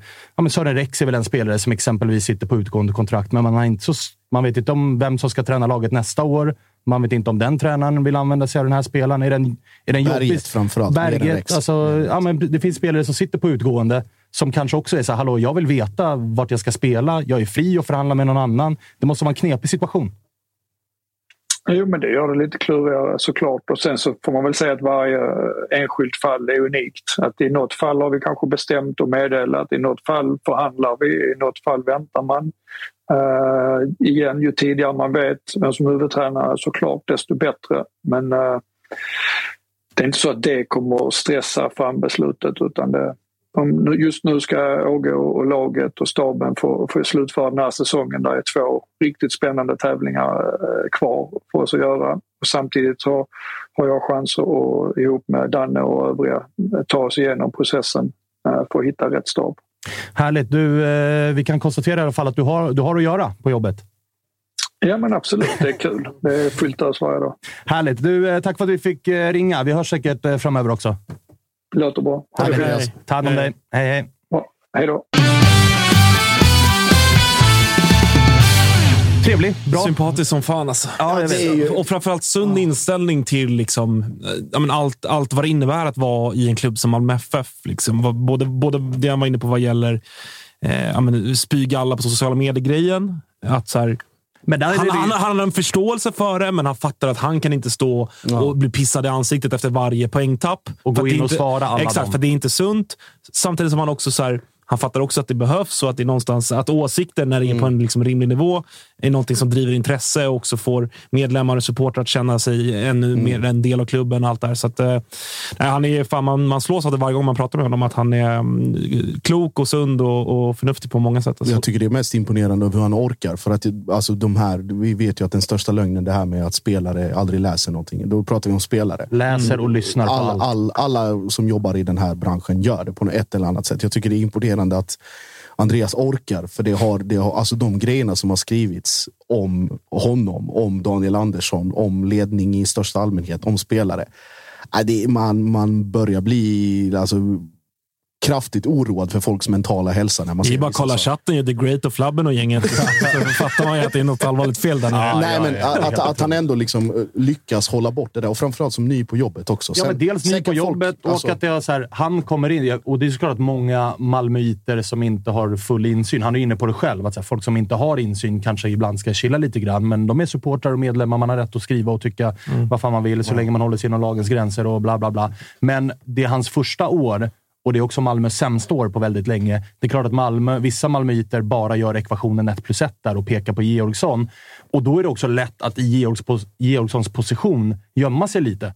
Man skiter i att ta samtalet med oss. Man går inte in på Twitter och svarar folk. Och man, jag har ju sett honom på Twitter vissa gånger bjuda in själv. Att så här, Ja. Bjud in mig till er podd då, så ska jag förklara. Och så Ja. sätter vi oss ner och pratar.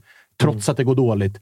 I hans roll och i hans position och i den klubben han är framför allt så hade det varit lätt att bara skärma bort det och bara, jag tar inga intervjuer när vi har liksom inte vunnit på tre raka och uh, åkt ur mot något jävla gäng från eh, någon, någon pissliga i Champions League-kvalet och sånt. Men han gör det och det är så här, det är, ju, det är ju lika stora delar som det är sympatiskt och man, han blir likable och han fejsar det. Lika stora delar är det ju också så här, han vinner ju poäng på att göra det. För att nu sitter till och med två aik här och bara, fan vilken jävla toppengubbe. Ja. Och sen, och så det, det som jag reagerade på också var just det här små beslut som tar mycket energi. Mm.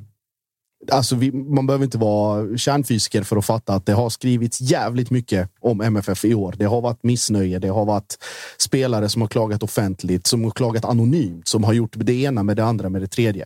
Ja, Det- små pissgrejer. Liksom. Små, små skit hela tiden och det avbryter ju också kontinuiteten eller påverkar den på alltså det vardagliga jobbet på ett eller annat sätt. Sen om det är att prata med vederbörande som tar fem minuter, bara sorry jag gjorde bort mig, eller att det tar en vecka innan man ens kan sitta ner för att det är så pass heta känslor eller? eller, vad det nu är. Det, ja, det ska man ha Ett jävla första år har han haft i alla fall.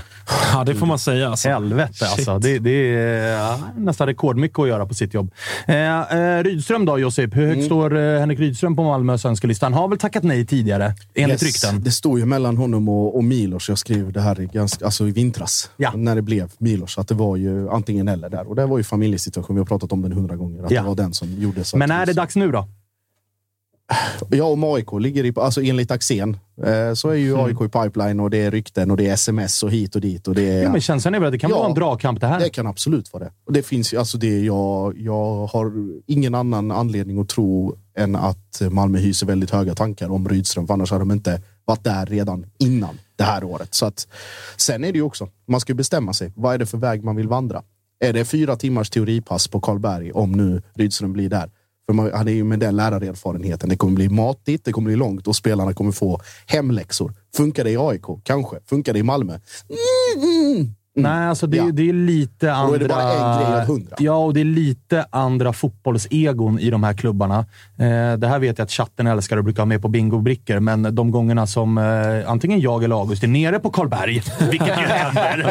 Ja, det var ett tag sedan för mig nu. nej, jag var där förra veckan. Eh, skitsamma. Eller förrförra kanske var. Whatever. Men där vet man ju om att så här, när Bartosz eller eh, Goitom sätter pipan i munnen och meddelar att då var dagens fotbollspass ute på gräsplanen över. Då är det inte många minuter från att fem, sex gubbar sitter i sin bil nyduschad och puff, därifrån kommer Henrik Rydström. Då är det ju som du är inne på. Han ser ju fotbollsspelares jobb som ett liksom, åtta timmar om Ja, dagen ja. Ja, ja. Att det är så här, du kommer in 7.30, gemensam frukost, sån här jävla preaktiveringsträning och sen ska du ut på planen. Sitt med sen sån foam roller i en ja, kvart. och sen är det lunch och sen är det teoripass på det och sen är det kanske ett extra fyspass på det. Och så 17.00 så stämplar du ut från jobbet och åker hem. Liksom. Eh, Och, Fan vad härligt det låter. Ja, det, det kan de ha de där Det jävlarna. kan de fan i mig ha med deras jävla sign-on-bonusar och allt vad fan det är. Men, men det är ju, det är ju alltså, skulle Henrik Rydström komma så är det en annan kravställning som kommer ställas på spelare som inte är vana vid den kravställningen i en allsvensk klubb, ska Mm. sägas. Och då är frågan om Malmö och AIK spelare är redo Ta, för det. och då är Rydström en sån grej. Alltså 8 till 17, du är fotbollsspelare liksom hela dagen och inte bara mellan 10.30 och eh, 13 när du åker hem. Precis. Och då, ta Breddan som exempel där också. att Det var på någon träning jag var eh, rätt nyligen. att Spelare som gör saker nu som all, liksom var helt otänkbara för sex månader sedan. Alltså, allt kan vara från eh, vilka, de, eh, vilka de umgås med, vilka de pratar med, vad de gör för typ av grejer, hur jargongen är, tugg och allting. Alltså allting sånt, sådana små saker Och att det, alltså, hur mycket sånt kan påverka i det långa loppet. Och vad, vad har Brennan varit? Det är mindre än ett år. Eh, Det är ett halvår. Och det är sak, alltså folk som aldrig ens tittar på varandra utanför fotbollsplanen står nu och gör two-touch. Vi behöver inte nämna namn, men Ja. Fan, jag bara fastnade i eh, Milos. Det kunde ha blivit Rydström, det blev Milos-grejen. Mm. Mm. AIKs den där motsvarigheten är ju efter guldet 18, när man kände att nu, Rickard, nu, kliv av nu. Ja, var kliv smart. av på topp, var smart. Och vilka hade AIK plockat då? Kim Bergstrand, Thomas Lagerlöf. Ja. Hade kommit klara 2019. Ja. Då hade vi levt i en annan värld, mina vänner.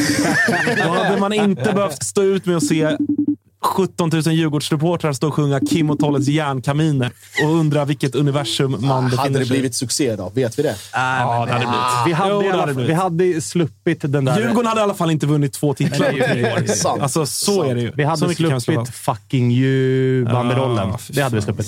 Eh, nu har vi med oss eh, Albin. Hur är läget? Jo, det är bara bra. Eh, hörs jag, tänkte jag Ja, det börja gör, med du, att fråga. det, gör du. det gör du. Jättetydligt. Ja, men grymt. Nej, det är bra med mig. Härligt. Du, eh, vi sitter och har lite så här, eh, litet eh, AIK Malmö tränarjaktsavsnitt här blev det. Och då passar det ju bra att ringa dig för att din Kalmar FF-tränare Henrik Rydström verkar ju stå överst på önskelistan hos båda de här två klubbarna. Vad gör det med dig? Ja, jag satt och lyssnade på er lite här eh, innan ni ringde upp nu och blev, satt och blev lite triggad, det ska jag vara ärlig med.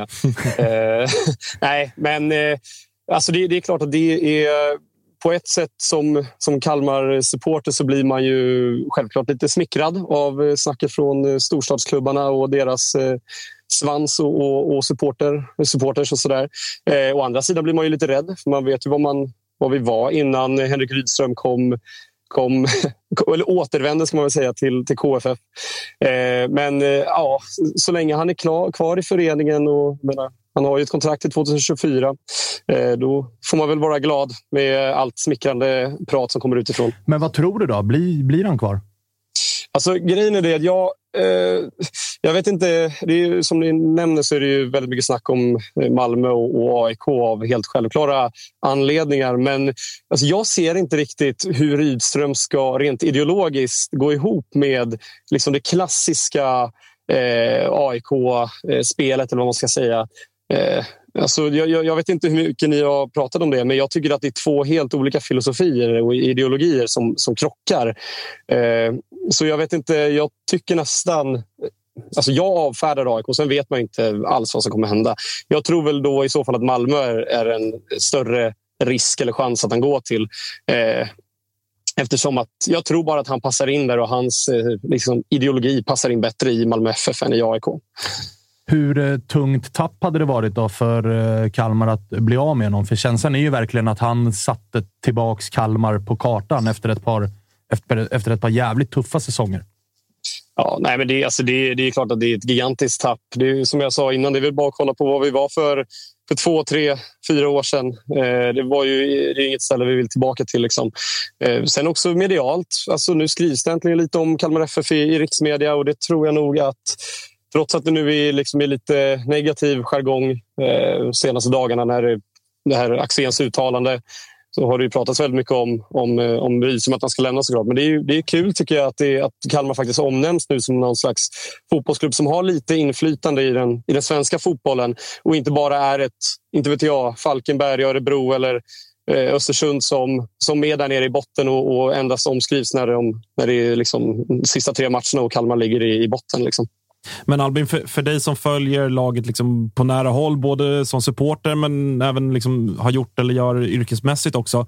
Utifrån sett, och det vi pratar om här idag också, och liksom lyft in som en, ja, men en, en aspekt, en parameter när man pratar om Rydström och även en eventuell flytt.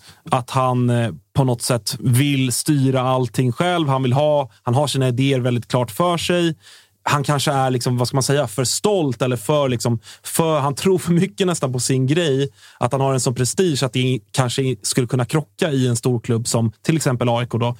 Är det bara liksom, är det en sanning eller är det någonting som bara har blivit en sanning att han, han är så extremt liksom, eh, han har mycket prestige i, i hur saker och ting ska, ska skötas?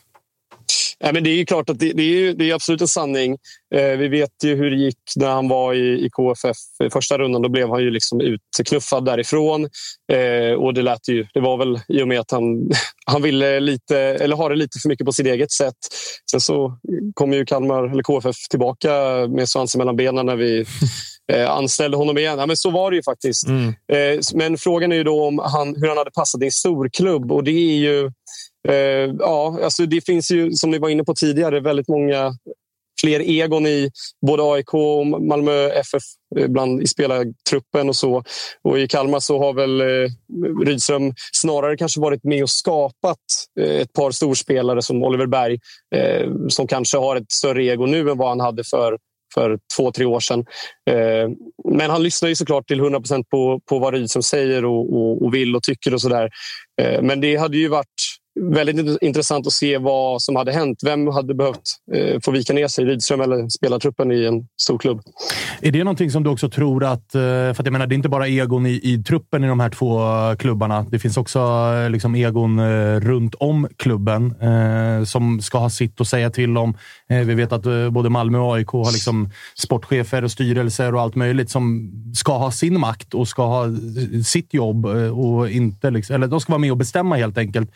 Tror du att det är aspekter som gör att Rydström eh, tackar nej ifall han får frågan till slut av antingen Malmö eller AIK att du får komma till Malmö, Rydström, men det är inte bara du som ska bestämma hur försäsongen ska se ut, utan eh, vi, eh, så här jobbar vi i den här klubben och du får anpassa dig lite efter den här klubben också. Tror du att det kan vara en sån grej som är lite make it or break it för, för Rydström? Ja, ja, Ja, till viss del såklart. Men alltså det vi utelämnar lite här är att det faktiskt finns en ganska realistisk chans att, att Rydström eventuellt lämnar för utlandet också och för, för andra utländska klubbar. Jag förstår att det mest intressanta nu är att prata om AIK och Malmö eftersom att det är en allsvensk podd. Men, eh, men Rydström kommer ju oavsett var han går, så länge han inte liksom går till en mindre förening än Kalmar FF, behöva liksom eh, göra någon slags, eh, bestämma sig för om han ska vika ner sig eller gå till en klubb som faktiskt tillåter honom att ha den här, det här ganska stora inflytandet som han har i Kalmar FF. Eh, men i Malmö och, och AIK, jag vet faktiskt inte. Eh, jag vet ju hur Hen- Henrik Rydström är som person och jag vet att han har ju oerhört mycket pondus och blir ju respekterad ganska snabbt i, en, i ett lag liksom, eh, och i ett omklädningsrum. Eh, men eh, jag tror nog inte att han kommer vika sig i första hand. Jag tror inte det. Så att det blir nog kanske så att han väljer... Eh, det, blir nog, det kommer nog bli på hans... Eh, vad ska man säga? Han kommer få bestämma. Liksom. Men min bild av honom som person är ändå, dels när vi haft med honom här, men även liksom en samlad bedömning av ja, men även, även liksom hur han var under sin tid som spelare. är att han, ja, men Dels så liksom att han lockades lite av det här yttre trycket och, och även liksom publikstödet och sånt. Med, med all respekt för Kalmar FF, liksom så, men att han, han ändå liksom har lockats kring det. Och det, det var ju nära att han gick till AIK under något år, där 07 eller vad det, vad det nu var.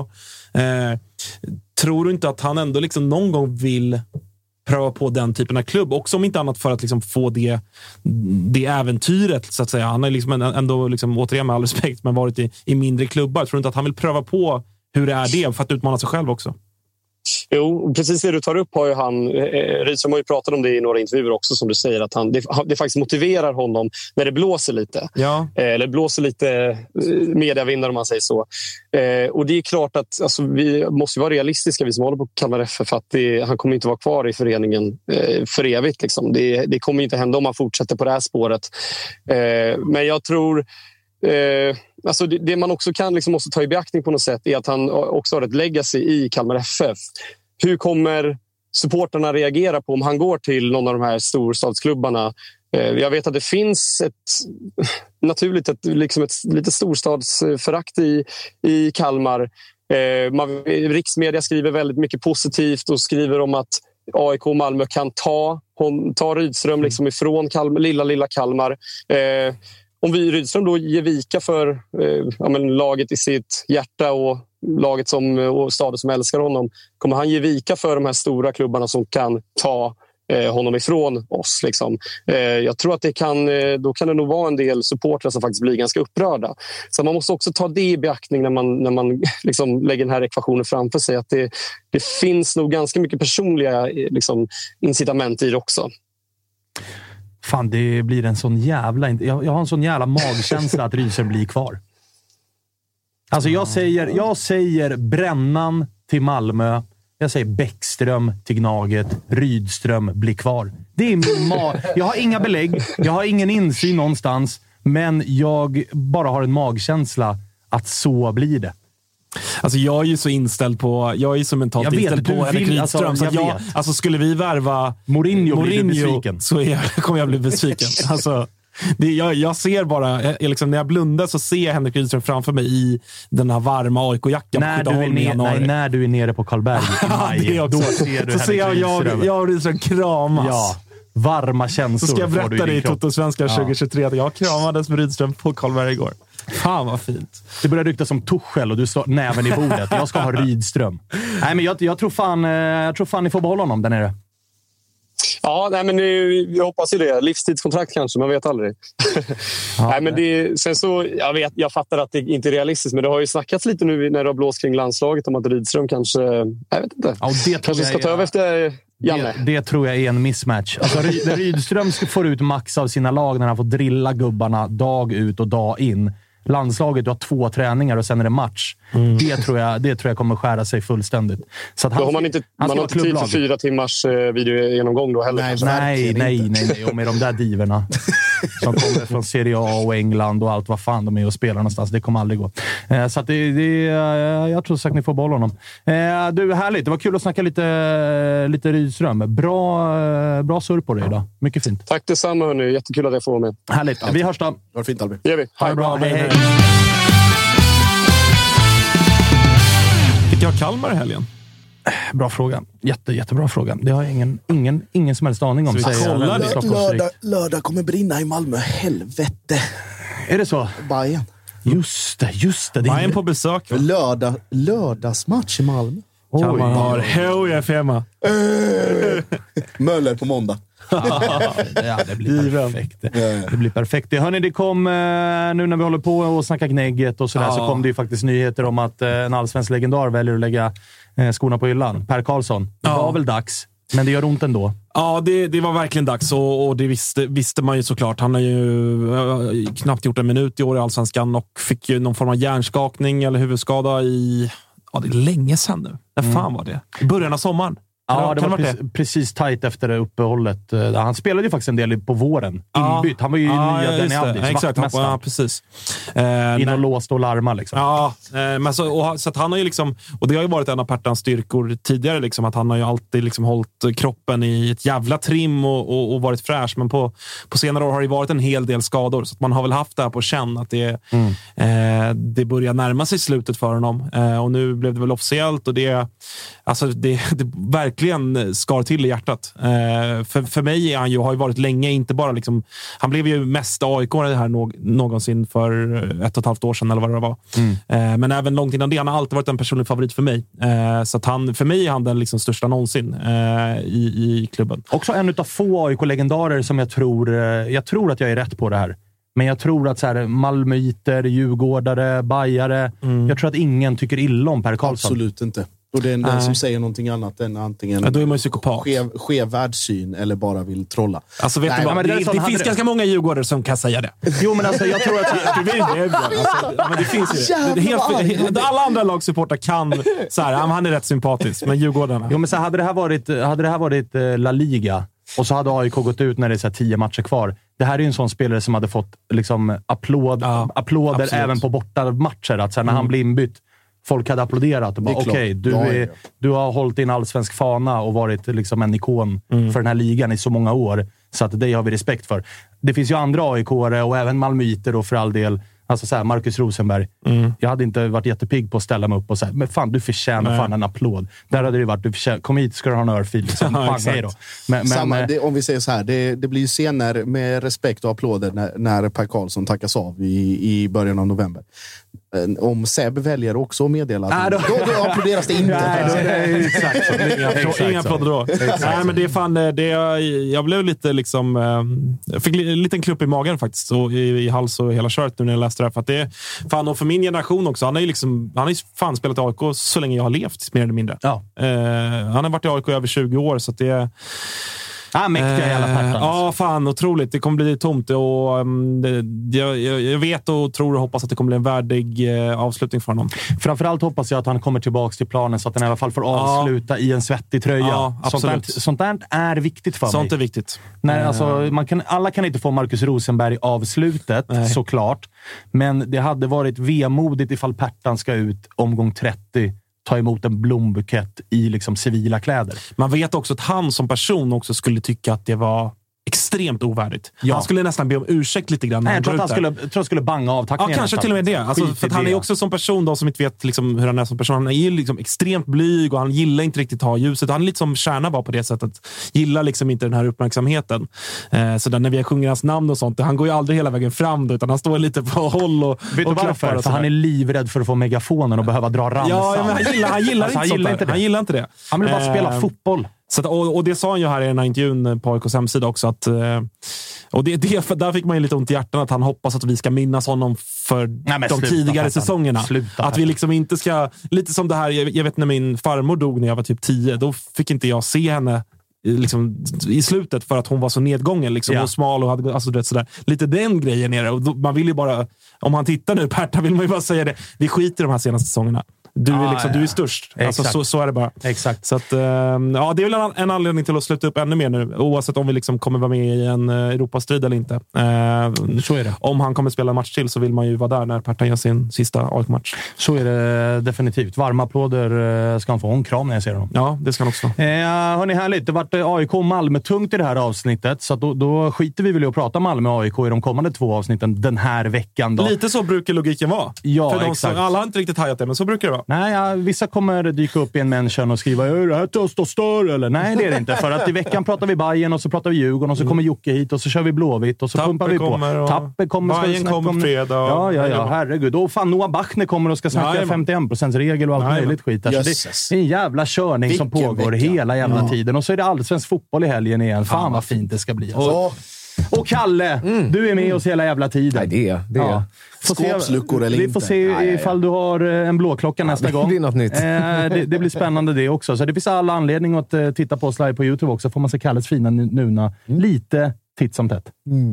Härligt! Hörni, det här var eh, måndags eh, Toto-svenskan. Vi är tillbaka igen på onsdag 14.00 live. Om inte annat så hör ni oss som podd på Spotify och överallt annars där ni lyssnar på era poddar. Vi eh, säger tack för den här gången. Hej, hej!